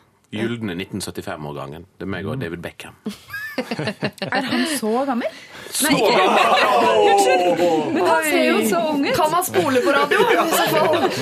Unnskyld. Du ser ikke gammel ut, du. Det var ikke det jeg mente. Ikke kan jeg heller. Du vet at du kan ikke ro badstøvferja med strikkepinne? Er det sånt uttrykk man lærte når man var levde på 70-tallet. Ja. Men jeg altså. kan jo eh, mageplaske over eh, på et, helt annet sted, og så har vi bare glemt det. Ja. Skal vi gjøre det? Takk. Vi tar, et, eh, vi tar andres problemer. Mens Selda svetter borti kroken her. Kjære Lørdagsrådet, jeg har et problem. Jeg vil så gjerne ta en eller et par tatoveringer, men samboeren min vil virkelig ikke at jeg skal gjøre dette. Vi har vært sammen i fem år og bodd sammen hele tiden og eier et hus sammen. Vi er begge voksne, og jeg har to tatoveringer fra før. Det tok vi før vi ble sammen. En på hofta og en liten på leggen. Disse har han aldri klaget på, men heller aldri vist noen stor fascinasjon over. Jeg har alltid visst at jeg ville ta et par til, og nå føler jeg at tiden er inne for det. Men samboeren er virkelig imot. Han sier at han ikke vil at jeg skal ta det, for, fordi eh, vårt antagelig fremtidige barn skal bli fullt av blekk, fordi moren jeg har noen tatoveringer selv. Selv har samboeren min ingen tatoveringer, og har heller ingen planer om å ta noen. Jeg kommer aldri til å ta tatoveringer der de syns veldig godt, verken oppover armene eller bein eller noe veldig sjenerende greier. Så jeg ser liksom ikke helt problemet hans. Greit nok at han ser meg naken, men jeg har til og med sagt at han kan slå av lyset om han vil. I mine øyne er min kropp og min hud mitt eget valg, men jeg har virkelig ikke lyst til å gjøre noe som sårer samboeren min. Vi har vært sammen såpass lenge at jeg liksom hadde håpet at han skjønte at tatoveringene mine var en del av pakka, men den gang ei. Vi har planer om å få barn sammen, og også dette barnet må jo bare finne seg i å vokse opp med, noen, med en tatovert mor. Stort sett har, har Stort sett alle har jo det, så det ser jo ikke ut som et problem. Hva skal jeg gjøre? Jeg vurderer bare å bestille meg en time og få blekket på huden uten å nevne noe mer for han, men er redd for at han skal bli fryktelig skuffet og lei seg. Please hjelp meg med å ta det rette valget. Jeg lengter etter mer blekk, men vil ikke såre kjæresten. Herregud, det er jo ikke heroin. Det er jo, han hørtes kjempe... Jeg ble kjempesinna, var jente. ikke? Ja, var det, ja. Hun skriver, men det er han. Han høres jo kjempeanal ut. Jeg ble ekstremt sinna av å høre på det her. Han må gjøre hva søren hun har lyst med huden og kroppen sin. Hva Skal han nekte en abort òg neste gang? Det er liksom, nå må jeg ta, Tatover deg. Og så sier til han I don't see no rings on. Ta Eddie Murphy-greia. Og Nei, uff, ta tatoveringen. Så du syns du skal gjøre det nevnte slutt? er Bare bestilt hjem og få blekket på huden uten å, å nevne noe mer foran? Kom hjem med med mer si blekk. Hvorfor skal han spørre om lov? Hei, du, jeg har lyst til å pierce øyelokka mine. Er det greit for deg? Hva har han Nei, å hadde si? jeg sagt. Altså, det er en menneskerett å få tatovert eh, et gigantisk eh, rævgevir eh, hvis du ønsker det. Ja. Det er samme med uforståelige tegn på kinesisk, som kan bety f.eks. 'jeg har lyst på hundemat'. Ja. Men det veit du jo ikke, for du er jo ikke kineser sjøl. Det, er- det er en menneskerett, mener jeg. Ja. Eller kanskje ikke. Jo. Men i alle fall, du, du har rett til det. Uh, hvor lurt det er, er jo en annen diskusjon, da. Men eh, han kan jo ikke nekte henne det. Altså, han har jo ikke rådighet over hennes eh, hud, det har han ikke. Men det Det er sier du vel heller ikke, men det han vil vel bevare husfreden. Da. Det er jo ikke men hva er det snakk om? Sa hun noe om det? Hva slags, altså, Det skal ikke synes. Det skal ikke synes engang. Nei. Nei, Der er da er det jo litt sånn uh, prippent av han, da. Ja, men hva- Men da må jeg spørre deg, Asbjørn, hva, hva tenker du, hva, er det vits å ta tatovering hvis ikke de skal synes? da? Hvem er det? Eller man tatoverer man seg for seg selv eller for andre? Eller hva er det? Ja, altså En tatoverer seg hovedsakelig for seg sjøl. Ja. men altså, jeg har jo litt tatoveringer som syns, da, sånn på fingerknokene og, og, og sånt, eh, for eksempel. Men altså, jeg, jeg må ærlig talt innrømme Jeg har jo fryktelig masse tatoveringer stort sett over hele kroppen. Men jeg kjenner at jeg klarer ikke helt å engasjere meg. Det Altså, jeg, jeg er helt enig med utgangspunktet her om at eh, en må liksom få styre over sin egen kropp og, og alt sånt. Men, men eh, samtidig jeg vet ikke, For, for meg har alltid det å tatovere meg har alltid vært helt naturlig for meg. Jeg gjorde det den dagen jeg ble 18 og egentlig bare fortsatt fram til det. For meg så føles det som den største, mest naturlige ting i verden å gjøre akkurat hva han vil med huden sin. Så jeg, jeg mener at jeg har faktisk store problemer med å forholde meg til at noen sier at nei, du kan ikke gjøre sånn, du kan ikke gjøre sånn. Altså voksne mennesker Er ikke det sier meg. rart? Jo, altså det er helt absurd. Så er det sånn bare, altså det, det høres ut som en, noe som har skjedd på en annen planet. For en kan jo ikke drive og si til folk at 'jeg har ikke lyst til at du skal gjøre sånn og sånn med kroppen'. 'Jeg har ikke lyst til at du skal få bitte litt blekk'. Og det høres jo ikke ut som hun skal liksom tatovere en Full sleeve fra ja, full sleeve eller en ørn over hele ryggen. Det høres jo ut som to, to små koselige tatoveringer hun skal ha. Det er marioene på ja, Ja, det høres ut som veldig enkel, enkel prosedyre. Så er sånn Nei, altså, det er Altså, hvorfor bryr han seg? Ja, for, ja og det, hvorfor er, hva er det han reagerer på? Han, det han, det eneste eksempelet vi har fått på Ja. hvorfor han bryr seg, er at han er redd for at den dagen de får barn, noe de har snakket om at de skal ha, så kommer de barna også til å vokse opp i et hjem eh, som oi, oi. tillater tatoveringer. Da kommer de også til å få det. Ja, men- og men- Du har ikke lov til å bli jo tatovert før etter du er Men- 18 år. Men det som er enda verre, er jo hvis det blir Du kan jo snu det motsatt. da, At tenk hvis de barna skal vokse opp i en heim der faren bestemmer over mora. Det er jo mye verre. Ja, det er jo generasjoner av folk hvor det har gått bra også. det er men- Greien, sånn Jo, men altså, for å si det sånn jeg, men altså, jeg har, altså, Det er 20 år siden jeg tatoverte meg første gang. Og liksom til og med da så var min, min bestemor da, hun var liksom ferdig med den derre Å, hvordan kommer det til å bli når du er gammel og skal på stranda? og sånt. Den der gamle liksom, Ja, ja, ja. sånn oldtidsretorikk rundt tatoveringer. Jeg tror det er sånn, hva er det I USA så er det vel eh, nærmere 40% av folk mellom 20 og 40 år har en eller annen form for tatovering Ja. på kroppen. Men jeg synes det er litt eh, Jeg ville blitt litt lei meg også hvis mannen min sa det til meg. For for det han sier er hvis du tatoverer deg, så kan det være at når vi får barn, så tatoverer de seg også. Kjemperart. Ja, Og så da, da, blir jo, da får de tatoveringer, og da er de grusomme folk akkurat som moren sin. Da, for jeg er jo en sånn med tatoveringer. Altså, det blir Så bare argumentet helt er feil på to ikke- måter. Både, altså, for det første er det ikke noe gitt at det er noe årsak-konsekvens-logikk her. Altså at, at hvis, hvis mor er tatovert, så vil automatisk barna tatovere seg. Og hun er jo tatovert! Ja, og for det, andre, for det andre er det noe problem. Hvis Nei, så skjer.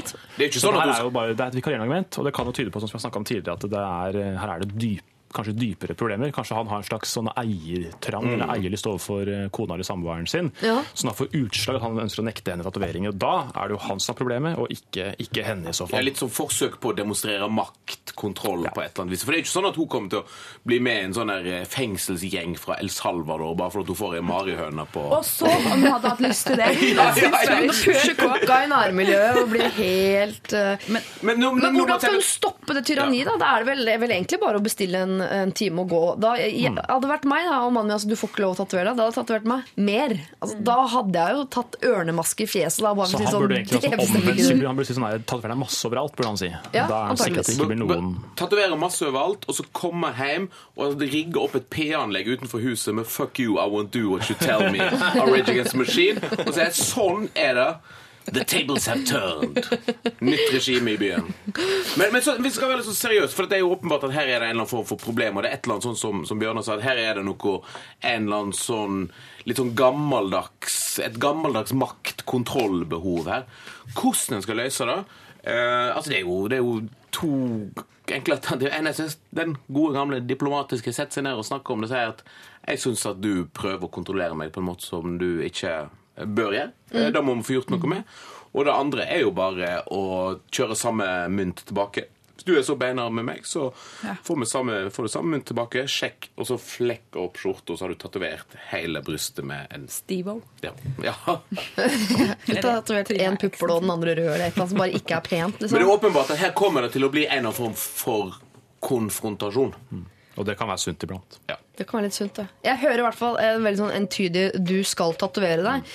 Men akkurat hvordan du skal få med han på notene, det er vi litt usikre på. Men hvis ikke du får til det, så syns vi du bare skal uh, ikke få han med på notene. Da skal du bare gå og tatovere deg. Og, uh, og spille hvilken låt var det?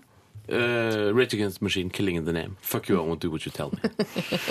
Men hvis jeg, hvis jeg skal pr- komme med et sånn litt sånn uh, praktisk råd, så er det jo faktisk sånn Jeg husker ehm, sånn, eh, når liksom mamma begynte å se på tatoveringene mine, så syntes hun det var litt sånn fint med farger og litt sånn artig og, og, og sånt. Men det er faktisk sånn at folk, en del folk forbinder jo tatovering med liksom sånn gammeldagse gangsterting og sjømenn og sånne ting. Men noen av det, det, det er kanskje verdt et forsøk liksom Vise han tatovøren som hun har plukka ut, som er dritflink, og se på dette, dette ting han har gjort. og så Få med han i prosessen. Ja. Så hva syns du kunne vært Selv, jeg, jeg, jeg at jeg hører når ordene kommer ut av munnen min, så tror jeg ikke helt på dem. Men altså, det kan være et, et Hun vil all del ikke kjøpe sånn tattoblader og vise han. For det er liksom Altså, tattoo convention. Det er bare sånn halvnakne damer med pinups på titsa. Det er, man tenker uh, hun har vært i fengsel. Det virker ikke som han er typen til å kaste seg over de bladene uansett, tenker jeg. Men, Nei, men det kan jo være et tips. vise. Ta med han i prosessen, og hvis ikke han vil være med på den prosessen, så må du bare kjøre den fullt ut. Og i verste fall så får dere barn som også tatoverer seg en dag, og da stokker ikke været til påske! Det der, eh, fortvilet jente 26, kjør på. Det blir flere tatoveringer. Hilsen Lørdagsrådet. P3 Dette er Lørdagsrådet på P3. P3. P3. Du hører på Lørdagsrådet, og vi har akkurat hørt eh, Blood Command og deres High Five for Life. Sa du at det var favorittlåt selv, Hakis? Ja. Er det det ennå? Ja, jeg, jeg syns den er fantastisk. er Jeg så dem på en festival en gang, og hun er så jævlig feit. Jeg, Altså så mye feit eller fet? Feit er en ny måte å si fet på. Ja, ok, så er det litt Følg med. Bjørnar Loksnes, har jeg lest et eller annet sted at du har litt sånn Musikksmaken er litt over i sånn eh, klassisk? Eller? Nei, nei, nei, men altså, jeg er en late adapter. Altså, jeg har ikke hørt om disse banda noen gang før, som spilles i P3. Aldri hørt om dem før. Nei. Jeg har hørt om, altså, jeg har hørt om Bruce Springsteen, jeg har hørt på Konsertmann. Ja. Jeg veit om eh, liksom, Paul Simon og Art Garfunkel. Ja, ja. Sånne ting. Jeg syns det er jævlig fett med De har brukt opp, vet du. 80-tallsmusikk. Ja, det er veldig trist. Altså, Ja. Jeg digger Toto og sånne ting. Ja. Men ny musikk, ny musikk jeg, jeg skjønner ikke. Nei. Så jeg er helt ubrukelig på, den- på Er det på P3-musikkprofilen. Spotify? Uh, Wimp. Ah, ja, det er ikke rart du ikke får med deg noe. Ut ifra eh, Toto og eh, Ut fra det han nevnte, hva vil du anbefale ny musikk at han tester ut? Um, John Mayer. John det tror jeg du liker. Ja, det, er, det er greit. Ja. Kan, jeg få, kan jeg få gi mitt bifall til hyllesten av Blood Command her? Ja, ja. Jeg synes det er helt fantastisk. Og så elsker jeg band som har så kule titler at de er tatoveringsverdige. Altså, High Five som, for Life kan du ha på en, som en tatovering. Absolutt. Og i hvert fall som en T-skjorte, hvis man ikke er eh, sånn som går hele veien, sånn som meg. ok, dere, vi går videre fra dette med tatoveringer og over til eh, dorullproblematikk. Hei, jeg bor i en liten leilighet med en venninne. Hun er litt mer påpasselig på penger enn meg. Og når hun hadde vært borte i to dager, får jeg en melding hun, eh, der hun er litt irritert fordi jeg har brukt en og en halv dorull og ikke har betalt for det selv. Hvordan skal jeg få sagt ifra til henne at dette her vil jevne seg ut etter hvert? Altså, Jeg kaller det Oi, dorullproblem, men det er et økonomi altså, som er veldig sånn på krona. Nå har du brukt litt mer uh, saft enn meg, og, og så videre. Og saft, dor Nei, ja, unnskyld. Ja. Jeg bodde i kollektiv siden jeg var 15 år. Ja. Og eh, man må bare lære seg at folk er sånn òg, og så at, at folk ikke er like. Da. Ja. Og hvis hun da hun, hun bor med, syns det er veldig problematisk, så må man enten ta det opp og sitte og snakke med at hei, jeg syns det her kommer til å jevne seg ut etter hvert, eller skal han svelge en minikamel og heller kjøpe dassrull sjæl òg, for det er ganske irriterende å kjøpe toalettpapir hele tida. Hva er det hun gjør? Kjøper hun ikke noe? Bruker toalettpapir. Hun burde kjøpe noe. Jo, men de folka som er sånn som ikke skjønner at det jevner seg ut etter hvert, kanskje ikke de gjør det heller, men som henger seg opp i sånn prisen på dorullen. Men kanskje hun gjør noe annet da, som irriterer hun dorulldama? Helt sikkert. Helt sikkert. Kan man gjøre om Kan hun Kan man gjøre om hun dama? Hun øh, økonomiske mener? Nei, det kan en ikke. Nei. Og en skal ikke bruke eh, unødvendig tid av livet sitt på å sitte og diskutere med folk hvorvidt en skal bruke en dorull ekstra eller en dorull for lite, eller hvem som har brukt for masse dopapir. Enten så må en rett og slett bare tenke som Selle sier, at eh, OK, sånn, eh, sånn er det, vedkommende er sånn, jeg bare jeg hever meg over det, eller så flytter du ut. Ja. Det beste rådet er eh, pick your battles, og det Ja. er ikke dorull. Som Ja. er det viktigste slaget å utkjempe. Det fins andre enda viktigere ting. Så der kan man kanskje man klarer å på en måte overse det, og heller, eh, heller leve med at denne samboeren er litt dorulløkonomi Altså, opphengt. altså, hvor, lenge, hvor lenge skal de bo sammen? Kanskje et, et par år mens de studerer? liksom det der er... Men hun Hva- kan, jo, hun kan jo bare kjøre på ordentlig. da, Bare skrive ned hver gang hun dusjer, hver gang hun andre dusjer, hvor mye varmtvann hun bruker, hvor mye av strømmen hun betaler. Altså Hun kan jo gå motsatt vei og bli helt uh, fucked up, hun òg. Ja. Det blir stress. Det kan være Det interessant. høres litt stress ut. Skriv opp hver gang hun dusjer. Men hvis Hvor varmt er vannet? Ja, for at Jo varmere vann, jo mer strøm trekker det. Så Selvfølgelig. jo- selvfølgelig. Kan du kjøpe en pall med doruller og bare Vær så god. On me. Ja, men det er en veldig fin, koselig måte å vise på Hei, eh, du er ganske smålig, så her har jeg kjøpt inn billig Mm. toalettpapir fra Binders, som kommer i store søppelsekker, og vi kan ha det i hvert fall et halvt år. Med mitt forbruk, kanskje to uker, siden hun Man bruker kan ha tissefest hver dag. Ja. Ja. Tissefest hos meg i dag. Men hvor mye hadde hun brukt? En og en halv dorull på eh, på to dager. Det er veldig mye. Det er ganske mye. Kanskje hun eh, var forkjøla. Men altså, hvis du skal være skikkelig kjip, kan du jo kjøpe en dorull. Ja. Og så pakke den inn i sånn ordentlig grundig, og så kanskje en sånn hardpakke, og så gi den til denne samboeren som julegave. Ja. Da har du liksom major point. Da. Eller pakke den i Men da, og dorull, da sånn tar har sannsynligvis seg på slutt, og da har du løst problemet etter den hvorfor har hun der. brukt nesten to ruller på to dager? Ja, En- det det, er det er litt rart. Har hun hatt guttebesøk? Besøk av en runker. Man trenger ikke være runke for, å, for at eh, man kan Ja, men da bruker man ikke dorull. Da er man over på håndklær. besøk, hatt besøk av en forkjøla runke. Det er mye mer miljøvennlig med håndklær. Det kan jo vaskes. Absolutt. Ja, så Men det hvis du har synes hatt jeg var besøk av en forkjøla runke, da er det en tredje person som må inn i økono Mm. det økonomiske systemet her, føler jeg. Men det er ikke hun eh, toalettkjøperens eh, Nei. altså, Feil. Dette trenger ikke hun å bekymre seg Men halvannen dorull, er det mye. er litt mye Ja. på to dager. Eh, Det er heller ikke miljøvennlig. Nei. Tenk litt på det. Det Beste- er faen ikke miljøvennlig. Dette har vi tatt opp i Lørdagsrådet før, men beste er faktisk å tisse i dusjen. Bare for sånn miljømessig. Ja, det jeg sier jeg, men det er vel ekkelt. Ingen gjør det. Jo, Eller gjør, jeg gjør det. Mange gjør det. Mm. Det er ingen som, det er ingen som Er tisser det i offentlig bad. Det er sånn det er, vet du. Jo da, gjør det, Det også. Ja. Nå faller Tisser nesten alle overalt. mytene. Og det er ingen som tisser inn i våtdrakter når de surfer heller. Jo da. Jo da. Nei, jeg har aldri surfa, men i tørrdrakt, da? Det er ingen som tisser på den stolen de sitter på akkurat nå. jo da. Snakk for deg sjæl! Ja, det er det jeg gjør. Ok, du, du får ikke gjort om hun. Det er, disse smålige folka dukker opp overalt, og de er selvfølgelig utrolig irriterende å uh, bo sammen med. Eh, Du må ta en runde på hvorfor du har klart å bruke så mye dorull, for det er faktisk ganske mye.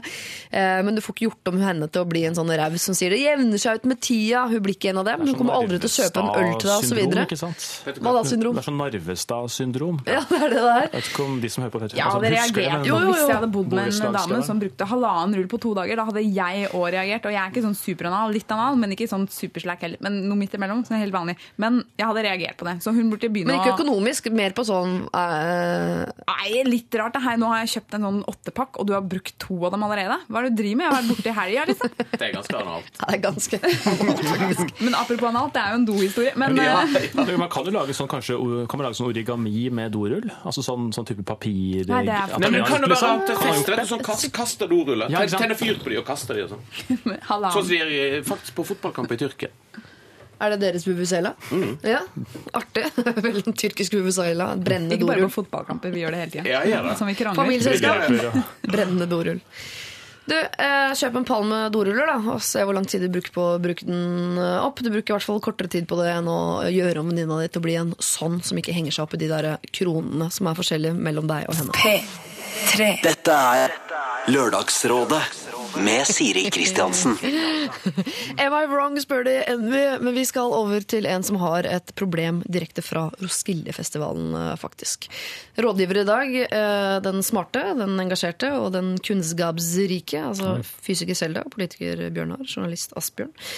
Her kommer problemet. Jeg har et lite problem som jeg håper dere kan hjelpe meg med. På Roskilde i sommer møtte jeg en gutt. Vi har noen år mellom oss, så vi er på ganske forskjellige eh, stadier i livet og bor langt fra hverandre.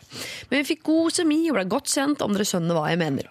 Så skal jeg altså tilfeldigvis på ferie til nærheten av der han bor. Og dette skrev jeg i en melding der jeg samtidig spurte om han var hjemme på den tiden.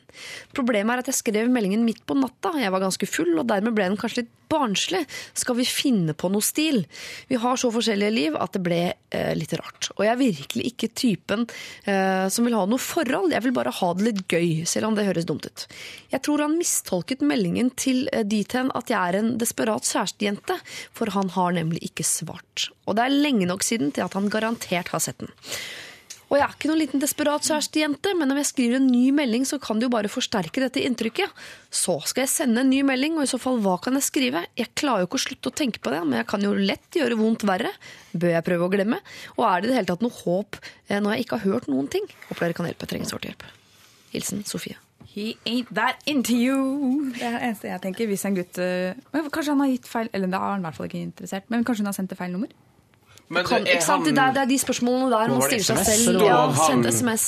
Står, står noe om Er han fra et annet land? Altså at det sånn, kan være sånn problemer med at SMS-en ikke har kommet fram? og sånt Eller er det norsk? Ja, altså hun skal, uh, skal på ferie til der han bor. Det er trenger ikke å være et annet land, det kan bare være en annen by. Det vet jeg ikke. Risør, Ja, ikke sikkert. sant? Mm, Kragerø. Ja, Hvaler. Men hvorfor uh, Hun er bare keen på å hooke opp med han. Ja, det er jo det hun sier da, ikke sant? Og- Men hun har sendt en sånn 'hei, skal vi henge sammen og bli kjærester og gifte oss'-meldingers. Hun føler at det er sånn han kan ha lest den i hvert fall. Men det kan hende at han ikke har lyst til å hooke opp med henne. At hun egentlig ikke har skrevet en sånn melding engang. Ja, absolutt.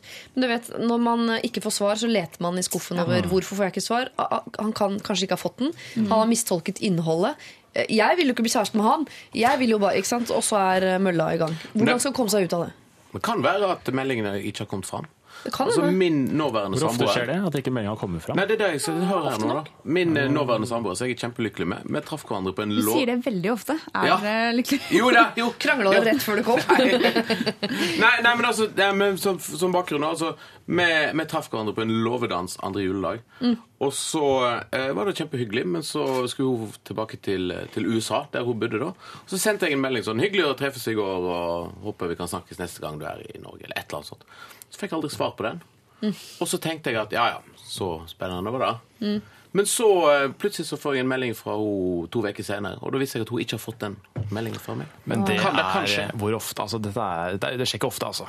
Det er sjelden at, eh, at Telenor Netcom svikter. Jeg stoler på telefonselskapene. Så han er trolig ikke så interessert. Og, Det- det og da er det bare å innse det, og så heller finne seg en annen ferieflørt. Det er sikkert mange andre hyggelige karer i Risør eller, eller Tvedestrand eller hvor han nå bor. Så det er dumt å, å liksom legge alt i én, heter det, i en skål. Ja. Alle eggene i en skuff. Nei, ikke legg alle eggene i en kurv. Ja. Finn andre egg andre steder. Men er det, jeg tenker sånn, eh, kan det bli verre? Ok, Han svarte ikke på den meldingen, og så sender hun en til, og så Nei, svarer han ikke på den heller. Jo, Men hun er jo ikke noe lenger ned i noe søler. Altså, Hun har ikke tapt noe mer. send, send, en melding send en til. melding til og bare si du, Hei sann, var visst litt drita sist gang jeg sendte en melding. Husker ikke hva jeg skrev. Nei, Bla, bla, bla. Jeg har bare, har bare lyst til å treffes, og kanskje vi kan ta en øl eller en kaffe eller et eller annet. Snakkes! Nei, hun burde ikke kaffe Nei, eller øl. Vi burde pule. Punktum. Det er det hun vil. Vær ærlig. Ja, og det er sikkert det. Hvis han vil noe som helst, så er det antageligvis det mer enn å drikke kaffe. Hva mer kan hun er- tape? Ja. Det er sant. Jo, men eh, fordi uh, Hvis han ikke vil, så vil han ikke på neste melding heller. Og da han, hvis han ikke liker henne, så liker han ikke, ikke sånn henne uansett om hun har sendt én eller ti meldinger. Det er ikke sånn at det er så godt på. pepre meldinger, er det, er det på en Ja, måte konsekvensen? stalk han. Stalk han. Kjempeidé. er kjempeidé. Nei, men én En melding til hvor hun føler at hun i hvert fall får retta opp det inntrykket fra første melding. Og hun kan føle seg sikker på at han i hvert fall har lest den. Og, altså Hun taper ikke noe på det, bortsett fra at det er litt mer flaut. Men hun har ikke skrive tapt. send, altså sånn, bekreft at jeg har mottatt. Liksom, be, be bekreftelse på det. Ja, Eller det. gjør det veldig enkelt. Bare ta den meldingen som hun sendte nå inn til Lørdagsrådet. Send den til ham. Hele den på SMS. Ja, ja. Og, vår, og transkripsjon av alt det vi har sagt om den meldinga. Legg med det også. Høres ikke på. Ja, eller eh, send akkurat den samme meldingen en gang til, så at han kan tenke er det en default hos Netcom nå som gjør at jeg får en kopi av den meldingen jeg allerede har fått. Fem ganger. Ja, Ja, sånn på ja, rad. ja, det. Det. Å nei, det har jeg gjort en gang. det? Ja, jeg hadde lå med en fyr, og så sendte han melding dagen etter sånn lang og hyggelig, og så fikk jeg beskjed fra Netcom sånn Det er noe feil. Og jeg sendte igjen. Det er noe feil. Og så snakket jeg med han sånn to uker etterpå. Eller sånn. Han var bare, ja, sorry, jeg har vært på biltur med gutta, eller noe sånt, for han hadde jo ikke svaret. Et eller annet sånt. Bare, Men jeg fikk den meldingen din sånn sju-åtte ganger. Jeg bare, eh, sorry. Vi ble ikke sammen. Skal sies. Men eh, så jeg, jeg dreit meg ut litt, da. Men du Eh, fikk ligget med han? eh, bare den ene gangen, Ja, ja, men ja. Det, var- kanskje det hjelper henne. Ja, kanskje Sofie skal Send gjøre mange det. meldinger. Den samme meldingen om igjen. Masse. Åh, ja, jeg tror, for Vi har ikke noe svar på om han har fått den. Det kan vi faktisk ikke svare på. Eh, og Et tips er selvfølgelig at hun kan glemme han. Hun sier jo at de er på forskjellige steder i livet, han bor et annet sted. Og det høres ikke ut som en sånn der, Ja, De hadde god semi. Ja vel, du skal møte jævlig mye folk opp igjennom. da, så kan god det være at hun er litt mer interessert enn hva hun gir uttrykk for. Mhm. Litt sånn som folk som kommer inn i Big Brother-hus eller på Paradise Hotel og sier sånn eh, Jeg er ikke en sånn som driver og backstabber folk, og så bang står kniven i ryggen på naboen. Ja, for man blir jo, Når hun sier 'jeg er ikke en sånn kjærestejente', så tenker jeg sånn 'du er en kjærestejente'. Hvis ikke så hadde hun jo ikke nevnt det, antageligvis. Jeg er ikke rasist, altså, men disse muslimene. Altså, det er en litt sånn Ja. greie, kanskje. Disse muslimene, ja. Jeg hadde en pakistaner i klassen, ja, så det er ikke Så det er ikke det, vet Nei. du. Jeg har opptil flere homofile venner. jeg. Ja.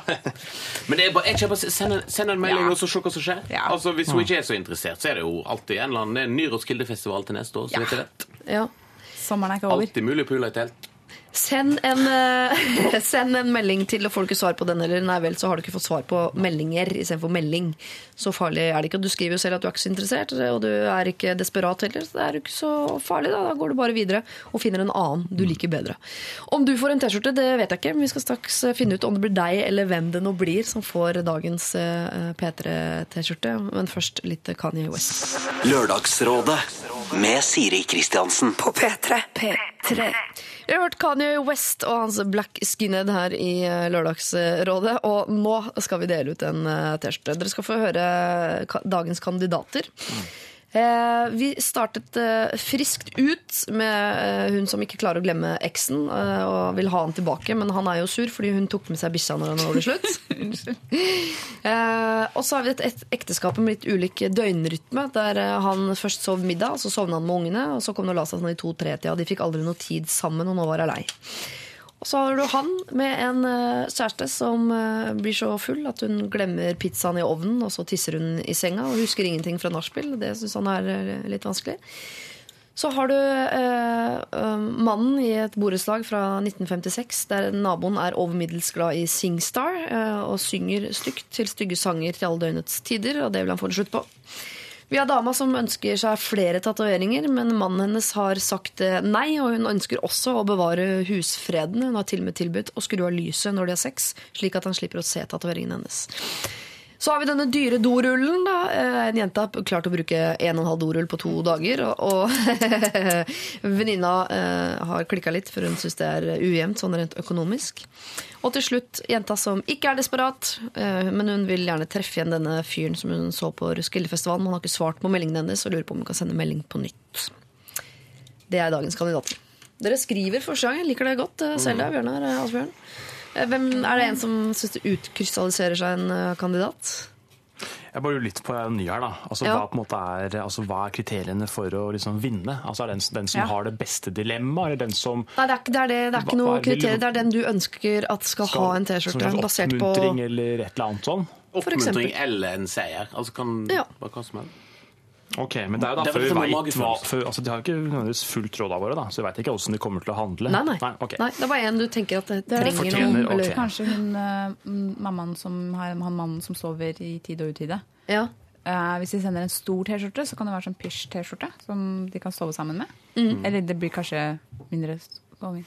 De kan jo dele pysj, for de sover jo aldri samtidig. i hvert fall. Ja. Så kan jo bare en hun ikke bruker den, så kan han bruke osv. Mens hun er på jobb og han Ja. er med barna. Ja, Ja. Det er kanskje ikke så bra. Um, hun ikke-desperate Roskilde-jenta Mm. Hvis hun får en T-skjorte, eh, kommer hun til å bruke det? Folk på Roskilde er glad i P3. Ja. Ja, altså Det er ofte en link eh, der. At det, at det er ofte de samme folka Mm. som går på den festivalen og som hører på denne kanalen. Hva med tattodama? Jeg er litt fan av henne, jeg. Ja, ja. Ja. Kjør på. Hvem skulle trodd? Tett, ja. altså eller han eh, duden som har eh, drita damer som eh, pisser i senga. Oh, han liker jeg rett og slett bare syns litt synd på han, Ja. kanskje. At han kanskje trengte en Bruke Ja.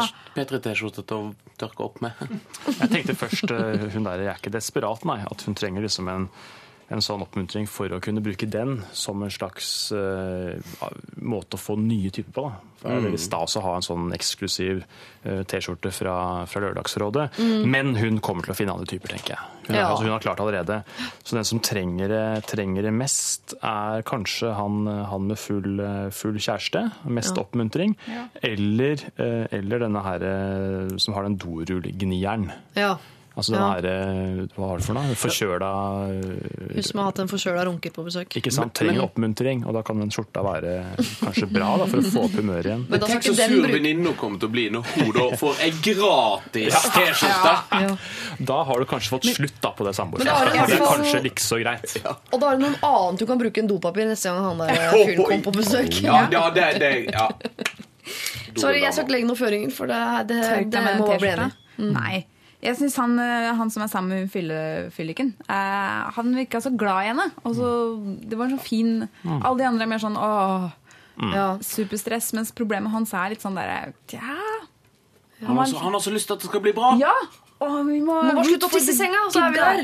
Og han kan, hvis vi sender en litt stor T-skjorte, så kan han lage sånn der body av det. Og så kan han putte sånn tenaliner nederst eh, i T-skjorta. Sånn Ja. Uh. Han kan, sy, han, og han kan faktisk eh, han kan jo sy på en stillongs og lage en slags onepiece Ja. til dama med sånn innlegger. Og da har vi jo løst mange problemer på en gang. Og så slenger du bare får en sånn brannalarm på ovnen i forhold til pizzaen som han Men det får jo en komfyrvakt. Ja. Komfyrvakt kan du kjøpe billig på Claes Olsson. Kun 109 kroner. eh, Sendes til dag én rett hjem i posten. Ok, det blir en eh, P3-T-skjorte altså til eh, deg som har en kjæreste som glemmer pizzaen i ovnen og tisser i senga. Jeg er helt enig. Jeg hører bare jeg sier noe, så høres det veldig riktig ut at du får en T-skjorte i posten. Eh, tusen takk til Selda, Bjørnar og Asbjørn for, for i dag. Så ha en fortreffelig lørdag videre. Jeg liker sånn. Ditto. Dette er Lørdagsrådet På P3. P3. Elsker fortsatt som om det var i går, osv. Dette her var uh, Bjørn Johan Muri og hans uh, Yes Man. Hvis jeg kan legge inn et ønske, jeg ser for meg et samarbeid mellom Bjørn Johan Muri og Lido Lido. Det hadde vært lite søtt. To bitte små spurver i et tre som synger vakkert, begge to. Det hadde vært fint. Ok, Lørdagsrådet for i dag uh, er over, og dermed kan jeg slutte å gi råd. Det er kanskje på sin plass. Eh, Men om en uke så gjør jeg det igjen, da sammen med tre nye rådgivere. Eh, Enn så lenge så kan du jo laste ned podkasten av dette programmet og høre det om igjen og om igjen og om til du blir gal i hodet. Samtidig som du kan gå inn på Facebook og se på bildet av eh, dagens eh, rådgivere, så du er helt sikker på at du får din daglige overdose av Lørdagsrådet. Fortsett å sende inn problemer, selvfølgelig. Bruk da mail. lralfakrøll.nrk.no er adressen du bruker, og vi tar imot alt av problemer. I andre enden kommer det ut noen råd, men det er først om en uke, altså. Lørdagsrådet hver lørdag fra 9 til 12 på P3. P3. Hør flere podkaster på nrk.no podkast. P3.